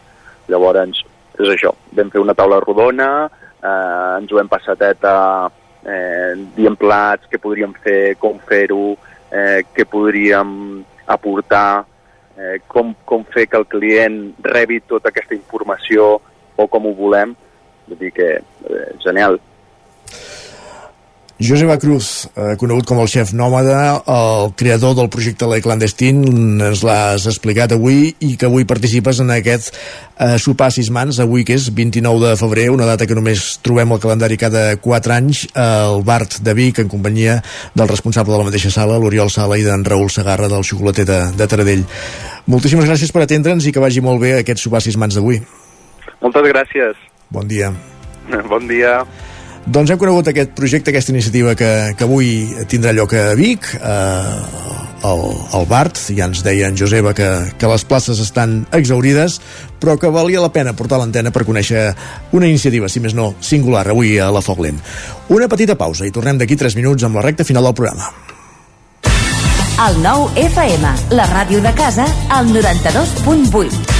La qualitat de les teves impressions és important per tu? Estàs cansat que els colors i les imatges no surtin com t'esperes? A Impremta Mater disposem de la tecnologia més avançada i els millors professionals per aconseguir impressions d'alta qualitat. Fem tota classe d'impresos amb acabats professionals. Llibres, catàlegs, revistes, tesis, calendaris, enquadernacions... I a més, disposem del servei d'impressió digital en gran format. Roll-ups, lones, pòsters i molt més. Impremta Mater. Ens trobaràs a la carretera de Sant Hipòlit 23 de Vic o impremtamater.com. Ho han dit avui, al 9FM? Ai, no ho he pas sentit. Tot té solució. Recupera programes, seccions i entrevistes del 9FM al 9FM.cat. Des de ben petit tindre un somni que és obrir un restaurant. Han sortit moltíssims llibres. Et demanen dades que, per altra banda, l'administració ja hauria de tenir. I ja no com a ramadera, sinó com a ciutadans. Nosaltres intentem que tothom pugui marxar amb un croissant. I trobaràs també tots els nostres podcasts. L'infopodcast del 9-9, cada matí a partir de dos quarts de vuit. I comencem parlant d'un tema punyent. Persones que passen per moments de gran dolor. L'infopodcast del 9-9. La lupa d'Agustí Danés cada divendres. La lupa, Agustí Danés. Els aniversaris. Cada vegada vivim més anys i cada vegada hi ha menys naixements. La combinació d'aquestes dues evidències distorsiona la piràmide d'edat. Paraula d'enfruns, el nostre podcast de llengua cada dimecres. Quan escoltem ho fem voluntàriament i en canvi sentir, podem sentir moltes coses encara que nosaltres no ho vulguem. Bruixes del dia, el podcast de dones i bruixes de Laura Centelles i Maria Saladic. Estàs escoltant Bruixes del dia. La meva relació amb la mort és totalment diferent perquè jo morts, diguéssim, físiques d'un cos n'he vist crec que una a la meva vida. Feeling the Cinc, l'actualitat de casa nostra en anglès. Hello and welcome to Filling the Sink, a podcast from Catalan News. My name is Lucía I també tots els relats finalistes del concurs de narrativa curta del 9-9. He despertat a mig de la foscor. Tinc la boca seca i els ulls em El 9FM.cat, la ràdio en línia i els podcasts del 9FM. Anuncia't al 9FM. La màquina de casa. 9 3 8 8 9 4 9 4 9. Publicitat arroba al 9FM.cat. Anuncia't al 9FM. La publicitat més eficaç. El 9FM, el 9FM, el 9FM. En punt, dos quarts d'onze al territori 17. Guillem Sánchez, benvingut un dia més, bon dia. Què tal, com estem? Bé, i tu? Doncs mira, content de poder-vos saludar un dia 29 de febrer, que sempre és curiós, estrany i... Això només passa cada 4 anys, eh? Correcte, correcte. No sé, no sé fa 4 anys si te'n recordes on eres. Jo, jo no. Clar, quin any érem? Érem No, el Pandèmia. 2000... Estàvem a punt d'entrar en pandèmia. No? 2020, per Sí, tant, sí. un 29 de febrer del 2020, sí, estàvem a dues setmanetes de... Una, de... o, una o dues, sí, sí, estàvem allà, al límit, eh? Encara no, Mira, sabíem, jo- no sabíem el que ens venia. Jo me'n recordo que feia el 9 de març, el 29 de febrer no, però el 9 de març sí. El 29 de febrer és quan començaven a arribar... Aquelles notícies. Quan començaven a arribar gent en quarantena, que gent que veia... D'Itàlia, de la Xina, sí, i exacte. Xines i aquestes Sí, sí, coses. sí. Clar, estàvem al Mobile també. També. La setmana de No, sí, no, no es va fer el mobile. Ah, és, el, és el primer gran esdeveniment que es va ajornar. I el- Correcte. I el mercat del ram. Mare de Déu, quin temps, quin temps aquest. Va. Doncs va, com ens diu avui l'Arnau Tordera, que Què la gent té ganes de parlar d'aquest dia 29, diu a qui sigui que fa anys avui per molts anys, jovenet o joveneta. Molt bé. Clar, aquí hi ha el debat de quan celebrar els anys la gent que, que neix avui. Mm, Tu que ets més de fer-ho el 28, de fer-ho el dia 1, què creus que diu la gent? Els que jo conec ho fan al cap de setmana. Ja està. Toqui el que toqui, no? Mira, hi ha gent com en César que diu el dia després del 28 s'ha de celebrar. Molt bé. Això és una opinió. Març. En Gerard escriu un dia abans del dia 1. El 28. Clar, el 28. I en Marc crec que ho resumeix bastant bé i ens diu quan els doni la gana. Ah, aquesta, més de- aquesta, aquesta, de- aquesta. Aquests. Passa que ja ja et sortiran els supersticiosos que diuen que les coses no es poden celebrar abans. Per tant, Sí, fins que no s'han complert, clar, Exacte. és una mica curiós, però, Sí. però bé, clar, circumstàncies especials, també solucions especials. També s'ha de dir que la proposta d'en Roger vinculada amb el dia 29 a mi m'agrada particularment. Ens Ja, escriu, Roger, digues. febrer ha volat, sí, però el dia 29 de febrer hauria de ser festiu. Cada 4 anys ens colen un dia més. Home, és una bona proposta aquesta també. Avui hi ha qui se celebra, hi ha qui celebra el Cap d'Any a Vic. Hi ha una colla Correcte. que, que cada any celebren el, el Cap d'Any l'últim dia de febrer Doncs i mira, aquest any toca, toca el 29. dia 29. I és que també, com diu l'Albert, avui 29 de febrer és un dia extra. No entenc per què hem de matinar i anar a treballar si cobrarem el mateix que cada any. Sí, sí, però llavors et poden dir, no, és que els mesos tenen 30 dies, saps què passa? per tant, ens, ens n'estem estalviant dos cada, cada any Exacte. també. Va, com dèiem, seria un debat etern, la veritat. El que no cal debatre és el que ens escriu aquesta usuària avui per xarxes. Diu, i la gent que et diu que la truquis a una hora i minuts en concret, què? Us penseu que no tenim altra cosa a fer No, no, que mirar el que- rellotget però és- esperant que sigui l'hora? Però és que llavors els truques a aquella hora i no te l'agafen. I no te l'agafen. Mare de Déu, mare de Déu. I parlant d'hores, molt a favor també de l'opinió de l'Andreu, que ens escriu hi ha una cosa que em molesta més que la impuntualitat, que és la gent que arriba tard, no avisi que arriba tard, fins just a l'hora que havíem quedat. Diu, home, aviam, ja sabies que anaves tard, jo també m'hagués quedat 25 minuts més al sofà mirant com si fos ahir. I quan arriben és com si no hagués passat res. Correcte, aquesta pff, falta d'interès per l'altra gent i falta d'empatia no, no s'hi val, no s'hi Doncs val. no, no la comprem. Va, i això que ens escrivien ahir sí que hauria de ser delicte. Ja. Ens deien, jo per berenar he tret del calaix màgic del congelador l'últim tros d'ensaïmada farcida de trufa amb crema cremada per sobre. Diu, i tu què tens? Mira, jo només et diré una cosa, que si, si el calaix és tan màgic, no hi ha últim tros. Perquè ara hauràs de tornar a reposar, per tant la màgia aquí, nano... I tornem a dir, si ens en volen fer arribar aquí al territori Exacte, 17, també sí, sí, som capaços de catar moltes coses i, que, i de donar la nostra opinió. Uh, va, molt a favor també de l'actitud de, la, de la Bet, vinculada amb el menjar, i ens ho deixa avui per escrit. Ens diu, dues Bakery Branch Coffee ens han obert al centre. Diu, em penso que demà de menú faré cigrons amb peus de porc, a contracorrent, vocació de salmó. Sí, eh, amb aquests també ens haurien de manifestar. És que només faltaria, només faltaria uns bons plats contundents, tradicionals i de, i de cullera, no? Sí, exacte. Va, i sense deixar de menjar. És ens que escriu... Ara que dius això em fas Digues. pensar que avui a les notícies hem parlat d'una cosa que es diu... Espera, diguem si A veure, trobo. vigila, vigila el que em dius, perquè- Uh, ja ho he perdut, eh? Imagina't si era interessant. Va, continua, continua, ja, ja ho trobarem. Doncs va, com dèiem, eh, sense deixar de parlar de menjar també ens escriuen jo abans molava i ara menjo bròquil.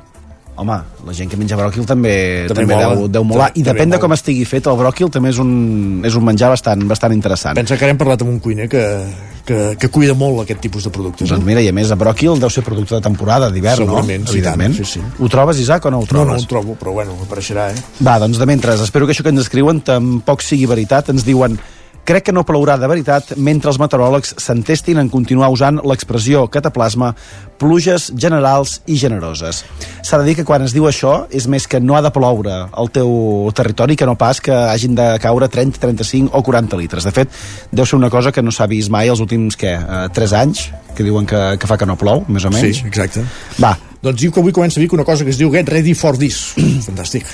Doncs mira, endavant. endavant, només faltaria. Exacte. Va, i acabarem amb una reflexió d'en Joan que no sé si sabríeu respondre. Diu, algú sap què se n'ha fet de les serradures? Què vols dir que se n'ha fet? Que si te'n vas a una fusteria o una serradora en veuràs moltes. És que hi ha gent que diu, diu fa setmanes que em busco i no en trobo un lloc. Diu, l'encarregada del supermercat em va dir que n'és el Leroy Merlin. Diu, suposo que pensava que li preguntava per cerradures. Diu, en fi, tots podem tenir un mal dia. Tots podem tenir un mal dia.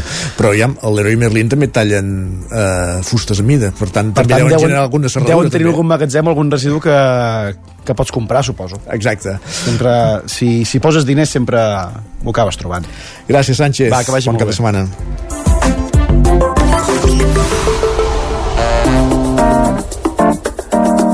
Territori 17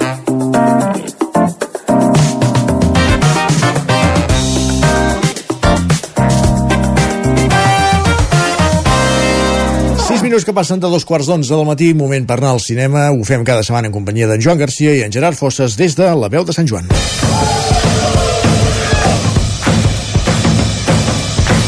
I una setmana més, moment de parlar de cinema i de fer-ho amb el nostre col·laborador, en Gerard Fosses. Hola, Gerard. Hola, què tal? Bé, i tu com estàs?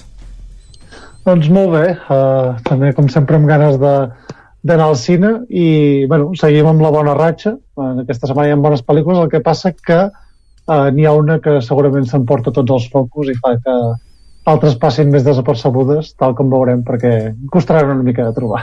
Mm, de fet, n'hi ha alguna, eh, que no, no la podem veure dintre del, del, del territori 17. No, malauradament no, però, però vaja, com dic, la, les multisales sobretot estaran acaparades per, per un títol, bàsicament. Crec que és el gran motiu pel qual hi ha poques estrenes també aquest cap de setmana. I aquest motiu i aquesta pel·lícula es titula Dune Part 2.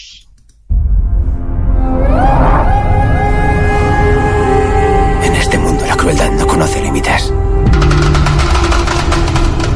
Lleváis décadas luchando contra los Harkonnen. Mi familia lleva siglos haciéndolo. Todos han sido masacrados. He perdido incluso a mi padre. Tu padre no creía en la venganza. Nosotros creemos en los Fremen. Dejadme luchar a vuestro lado. Molt bé, una pel·lícula una segona part, la primera no Lídia que va passar desapercebuda però no se'n va parlar tant ni tenir tan bones crítiques potser com aquesta segona, no? Sí, bueno, de, de fet crec, crec que ha anat una mica en creixement, perquè sí que, que, que diuen en el moment que, que es va estrenar fa un parell d'anys, um, doncs sí que va tenir el seu rebombori, va fer una bona taquilla, Uh, el que passa que és una mica això que tenen les històries explicades a mitges, no? que, que potser no, no acaben de quallar, que la gent s'espera, però fins i tot des de la seva arribada a plataformes, a l'HBO Max concretament, doncs hi ha hagut aquest rebombori doncs, al voltant que ha fet que la gent l'anés veient.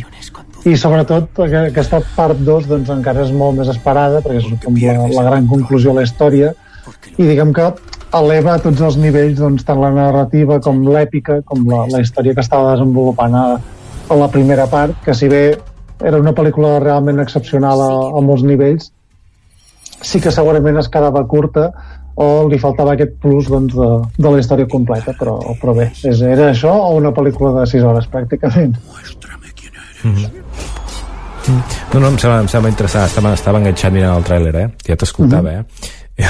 Sí, sí, a veure, és que és una pel·lícula que realment entra per la vista, entra per la oïda, amb, amb aquesta música de, de Hans Zimmer, um, i, i aquesta fotografia, en aquest cas de, de Greg Fraser, um, des de, de la mà de Denis Villeneuve, el director, que ja s'ha acostumat amb reptes difícils, i el fet d'adaptar Dune, o, o Dune, doncs, per, per als més històrics, que és aquesta com gran història èpica de, de ciència-ficció que ja s'ha intentat adaptar moltes vegades sense èxit i sembla que, que Villeneuve doncs, ho ha aconseguit amb aquesta gran dimensió i sobretot amb, amb aquesta sensació de, de gran superproducció que no passa molt sovint malauradament, tot i que hi ha pel·lícules caríssimes però realment que tots els diners els veguis reflectits a la pantalla doncs no, no sol passar i aquí veiem doncs, un repartiment estel·lar a més un, un repartiment enorme eh, perquè hi ha aquí mig Hollywood amb decorats espectaculars, els efectes especials magnífics, vull dir que, que realment ho té tot el que ha de tenir una, una superproducció. Sí, M'ha semblat veure un actor espanyol també per aquí al mig. Sí, hi ha el Javier Bardem, que, que, sí? que apareix en, en aquesta segona part. Mm, mm. Mm. Molt bé, doncs... Sí, sí, doncs aquesta sí, però és sobretot molt recomanable anar-la a veure a la pantalla més gran que trobeu i amb el millor sistema de so que trobeu per, per realment submergir-vos en aquesta aventura espacial que, que segurament recordarem durant temps. Mm -hmm. Molt bé dit també que que això que ja hi podrem veure en Timothée Chalamet i la Zendaya com a principals protagonistes, mm. però que hi ha tota aquesta gent que, que deies, ja un déu nhi i que suposo que si, si la gent es vol posar al dia vol veure la primera, que deu estar suposo que en algun mm. lloc, que es prepari, no deu, no, deu ser, no deu ser curta, no?, aquesta pel·lícula, ni la primera ni la segona. No, de fet, la, la primera part ja eren pràcticament 3 hores, ja no recordo exactament, la, la podeu trobar a HBO Max, i aquesta segona part també dura un parell d'hores i mitja més, vull dir que o era gairebé 3 hores, 2 hores, 3 quarts, una cosa així. Sí, que són pel·lícules bastant llargues, però ja et dic que, que entren la mar de bé i que quasi bé és una bona opció veure-les bastant seguides uh, pel fet aquest de, doncs, de recordar bé els personatges, uh, recordar bé quins són, quines són les famílies protagonistes, aquesta tribu que viu al desert, que uh, passa molt nom aquests mons de fantasia, no? que si no uh, hi fas com un cert seguiment o tens una certa atenció, doncs que et passes la pel·lícula preguntant i qui era aquest, i qui era aquesta, i aquests què fan eh, doncs bé, eh, millor això, veure-les més juntes i, i disfrutar de l'acció. I a més a més, s'ha de dir que si la primera part tenia poqueta acció, hi havia un, una batalla cos a cos i una batalla gran, en aquesta segona part hi ha tota l'acció que no, no hi havia a la primera. Molt bé, pel·lícula que es podrà veure al cinema Sucre i al cine de Granollers. Uh mhm. -huh. Anem a per la següent. Anem a per la següent, que aquesta només la tindrem als cine, com a mínim de moment, tot i que és una magnífica pel·lícula. És una, una comèdia negra que va clausurar el Festival de Sitges enguany i que es titula Dream Escenario. Últimamente pienso mucho en ti. ¿Sí? Uh... No dejas de salir en mis sueños. No haces nada, solo estás ahí. Tiene una pinta súper normal. Es un tío cualquiera. A mí también me ha pasado lo mismo. ¿Tienes una foto?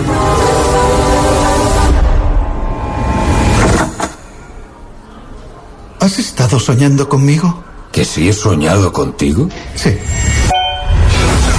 ¿Por qué yo?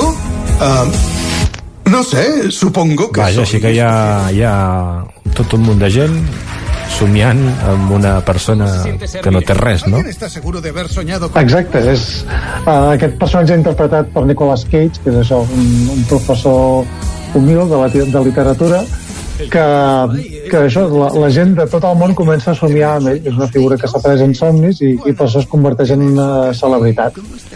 I, òbviament, això té la seva part positiva, però també té la seva part negativa. Uh, al final és una pel·lícula en, en forma de paràbola, és una comèdia negra sobre la, aquesta cultura de la cancel·lació eh, tot el tema vinculat a la viralitat, als moviments aquests mediàtics, eh, i com això afecten, doncs, en aquest cas, a l'individu personal. Um, clar, quan apareixen somnis, doncs és molt graciós, quan apareixen somnis i passa alguna cosa més i ja no tan agradable, doncs, eh, òbviament la resposta és una altra. I, i realment aquí veiem d'una manera molt efectiva, doncs, en aquesta construcció argumental, com un subjecte passiu doncs, es converteix en un protagonista involuntari d'una història que, que abarca a nivell global, no? I és com, si jo no he fet res, perquè la gent m'estima o perquè la gent m'odia. Uh -huh. uh, només pel fet d'existir o per la percepció que s'han creat per, pels inputs que han rebut, no? que en aquest cas és un somni però podria ser amb, amb un vídeo que corre de TikTok. Uh -huh. Al principi sembla una comèdia i després varia, eh? va, va, va cap a llocs més foscos. Eh? Sí, va cap a llocs més foscos, però vaja, es, manté el to de la comèdia, eh? és un, té un punt més fosc, és, té un punt de, de cinema de gènere, enganxat cap al terror, però és una pel·lícula bastant per tots els públics, no és que sigui una pel·lícula de terror pur i dur, uh, i això funciona molt bé com a, com a drama social, amb un tema molt, molt d'actualitat, i a més a més això, sobretot és una pel·lícula fonamentalment molt divertida, i que, que el discurs que implanta doncs, a través d'aquest argument que, que planteja doncs és molt interessant i convida molt a, a la reflexió. Molt bé, aquesta es pot veure als cine de Granollers i la darrera és la que dèiem que doncs, ha patit potser l'efecte d'un i no es podrà veure enlloc. Sí, i mira que és una pel·lícula que, que potser si s'hagués estrenat, no sé, 10 anys enrere, doncs seria de les principals estrenes de la setmana, perquè ve de la mà de, de Ethan Cohen, de, de l'únic dels germans Cohen que segueix dirigint, l'altre ha decidit retirar-se del cinema, i ve amb una comèdia dramàtica, una road movie també amb un bon repartiment, que es titula Dos xiques a la fuga. Hello, girls! It's the last body shot competition, so we are gonna salt you up. I've had it with love. I don't believe it's relevant to the 21st century lesbian. You're not wearing that. I just came from work. I came from Toledo. I don't Molt bé, com que no traduirem, eh, millor que comencis a parlar. De fet, és, és, els germans Cohen és un dels germans Cohen, i ara ja no, ja no treballen junts, no? Em sembla que estan com Sí, sí, exacte, sí, és, és el que et comentava, que n'hi ha un que s'ha retirat i ara que treballa sol. Uh, és, aquest és, està dirigida per ell, està guionitzada juntament amb, amb Tricia Cook, i, i és una pel·lícula que bàsicament és un, això, un road trip, un, un viatge de, de Filadèlfia a Miami, amb aquesta protagonista que és Margaret Qualley, veure a pel·lícules com Era ser una bebè en Hollywood i, i últimament cada cop amb, amb més grans produccions. I també apareixen Pedro Pascal, Matt Damon, etc. I és això, és un, un film d'un viatge d'una noia com, com molt, diguem, molt festiva o molt fiestera, que, que bé, doncs recorre als Estats Units eh, doncs això, veient bars, veient locals i, i bé, tenint les relacions que té. I a partir d'aquí doncs, la, la trobada d'un malatí misteriós doncs, desencadena tot un viatge així de, de despropòsits i doncs, dibuixant un tipus de, de comèdia esbojarrada que cada cop amb, més girs i més salvatges que, que funciona a la mar de bé. És així molt, molt divertida, molt lleugera a vegades amb els Coen ens tenen acostumats a un cinema potser eh, de ritme intens però potser més pausat i aquí juga més a, a un tipus de, de cinema lisèrgic de, dels anys 60 amb l'estil de, de John Waters, per exemple, de, de Pink Flamingos, salvant la, les distàncies de Rosmeyer, eh, però amb una sensibilitat molt de, del dia d'avui, del segle XXI i tractant temes actuals. Molt bé, doncs una, una més, llàstima no la podem veure, haurem d'esperar de, que surti a algun lloc o que uh, apareguin en algun cinema de forma així Exacte. curiosa. No tenim aquesta setmana res de festivals, ni de premis, ni...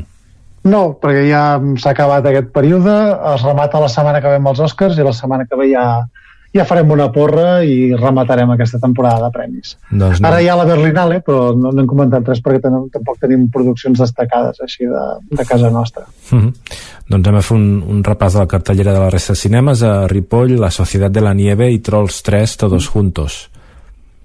Sí, aquí poca cosa a comentar. És una oportunitat també per veure en cinemes a, a Ripoll aquesta, aquesta pel·lícula de, de Bayona i, i Trolls 3 doncs, proposta per tota la família.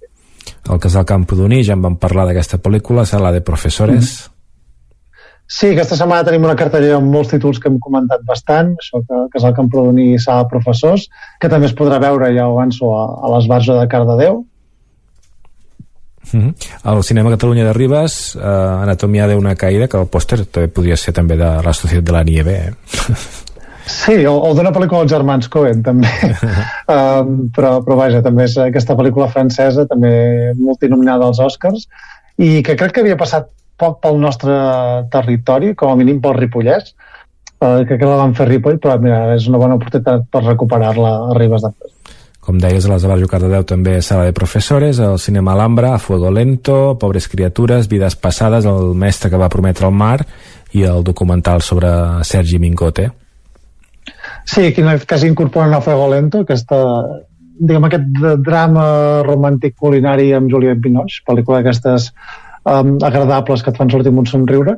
I sorprenent que no, que no hagin entrat a la tendència de Dune i, i tirin per aquest cinema més independent i mantinguin sobretot doncs, uh, pobres criatures i, i recuperin també vides passades que són dos grans pel·lícules d'aquest any. Mm -hmm. i onzena setmana del mestre que va prometre el mar anem comptant ja sí Anem comptant, eh? Anem, Aviam, si estem acostant a, a les 20 i pico d'esbestes. Exacte. I al Cineclub de Vic, eh, el dimarts podem veure Estols. Sí, aquesta és una pel·lícula molt, molt petita, catalana, dirigida per, per Xavier Moreno, i això, i és un, un retrat, diguem que s'emmarca dintre de, de la Guerra Civil, i això, i a la travessia cap a, cap a França, doncs, per anar més enllà de la frontera i fugir de la guerra, i és una pel·lícula d'aquestes molt calmades, que és com una, una celebració de tot allò quotidià i fins i tot banal, i és d'aquestes pel·lícules sorprenents, que no es veuen molt en el nostre cinema i que, que per això s'ha volgut destacar i que s'ha volgut projectar Vic, també. Mm -hmm. Molt bé, doncs ho deixem aquí. Moltíssimes gràcies. La setmana que ve ja porra dels Oscars que també hi ha, hi ha ganes. Sí, sí, tant, ja, ja farem la porra i podrem fer l'avaluació d'encerts de, i desencerts. adéu-siau. Vinga, adéu-siau, que vagi bé. Territori 17 9 minuts perquè siguin les 11 del cinema cap a les sèries.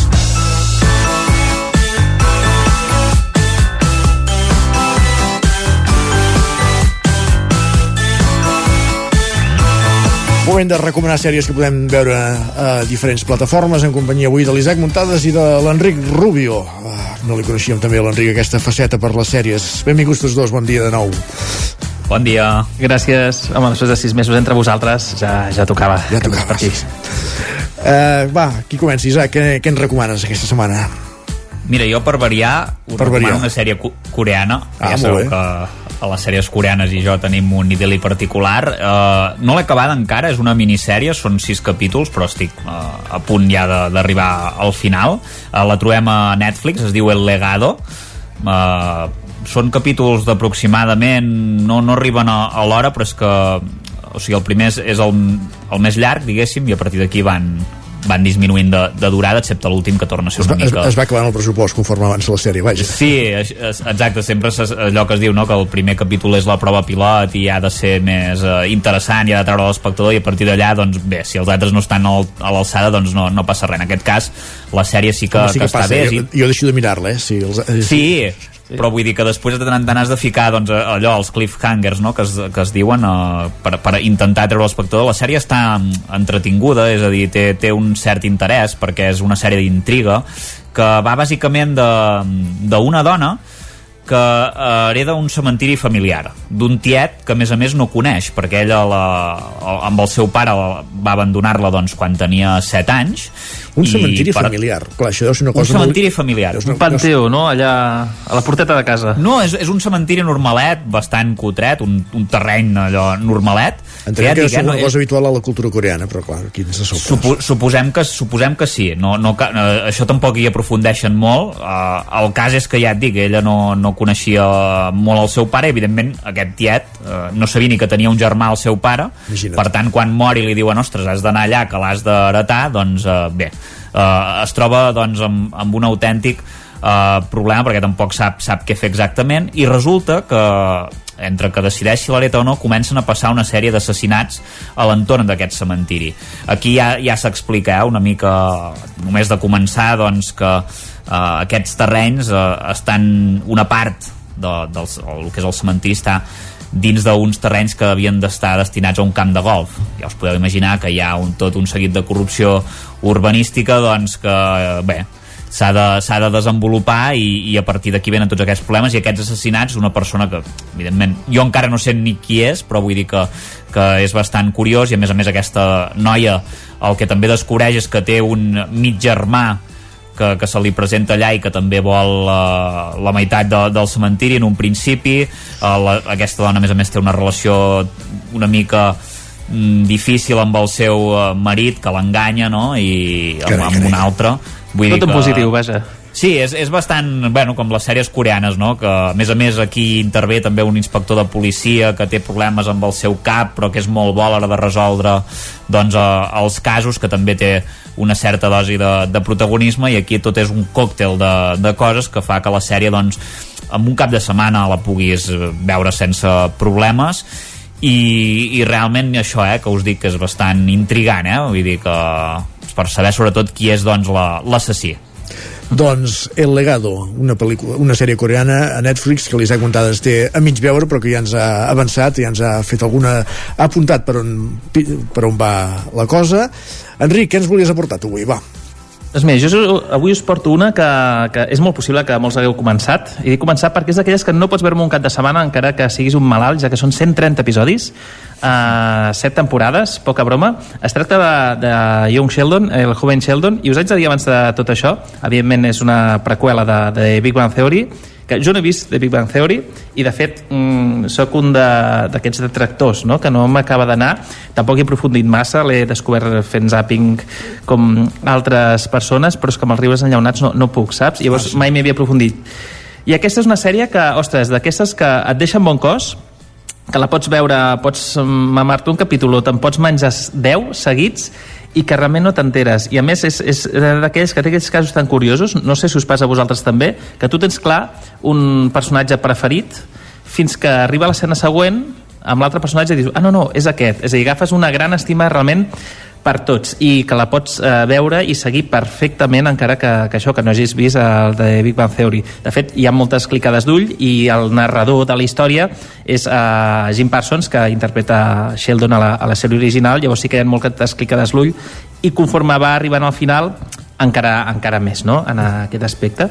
No sé si algú de vosaltres dues l'ha vista, aquesta? No, on la podem veure, vull demanar, de fet? Netflix, o com a mínim jo l'he vist a Netflix, eh, en aquest cas. Molt bé. Sí, i de fet eh, narra i també surten personatges que surten també doncs, de quan ja Sheldon és adult, com per exemple uh, Mary Cooper, uh, George Cooper, que són els, els pares George Cooper, que és el, el germà i la germana també, així com l'àvia, i realment el, el que et fa, com a mínim a, a, mi, no, que no he vist la sèrie, és que després recorro a la sèrie nova a veure, com a mínim per internet, buscar si existeix, si han sortit, si han sorgit aquests, aquests personatges, no? Allà realment enganxa molt, és una sèrie que... Mm, és, eh, jo crec que es pot veure, és molt horitzontal a nivell d'edat, que pots veure en, quals, en, en qualsevol edat i pots realment gaudir-la molt i això, que et deixa, bueno, bon cos abans d'anar a dormir, saps? No... Ve, veig que ja n'hi ha set temporades, eh? Vull dir que tenim feina per anar... Sí, sí, per anar set temporades, poca broma. És, mira, jo realment em va agradar molt la primera i dic, um, no sé si puc dir aquest horari, però dic, uh, merda, uh, s'està acabant, i vaig mirar i al veure els 130 dic, tira milles, no pateixis, tens aquí un anyet d'anar gaudint. I són capítols llargs o què? No, estem parlant d'una mitjana d'entre uns 20 minutets eh, i escaig, no és exacte, però sí, compta d'uns 20 a 25, llavors es pot anar... Això també és perillós, saps? Perquè el que fa, i alguns potser arriben a la mitja horeta llarga, és que passi molt ràpid. I la introducció és tan curta que encara que no posis continuar, uh, són uns 15 segons i això és perillós, és perillós fins, perquè fins, fa que... Fins que et, diu, et surt aquell missatge a la tele que et diu fa 4 hores que la tele funciona, ets aquí encara? Exacte, i penses, ostres, el T17 uh, que em desperto a les 6, saps? I... Exacte. doncs sí. molt bé, les dues recomanacions d'avui en aquesta secció de sèries El Legado, eh, coreana El Joven Sheldon, nord-americana totes dues les trobem a Netflix, aportacions que ens feien l'Isaac Montades i l'Enric Rubio moltíssimes gràcies a tots dos, Bailets a vosaltres. Ens retrobem demà. Bon dia. Fins demà. Fins demà. Acabem amb les sèries i acabem també el territori 17 d'aquest 29 de febrer de 2024. Això no tornarà a passar fins d'aquí 4 anys. Uh, si encara som aquí. Uh, us hem acompanyat des de les 9 Enric Rubio, Roger Rams, Isaac Muntades, Pepa Costa, Guillem Sánchez, Gerard Fossa, Joan Garcia, Sergi Vives i Isaac Moreno. I tornem demà a partir de les 9. Serem divendres. Fins aleshores. Bon dijous i gràcies per ser-hi.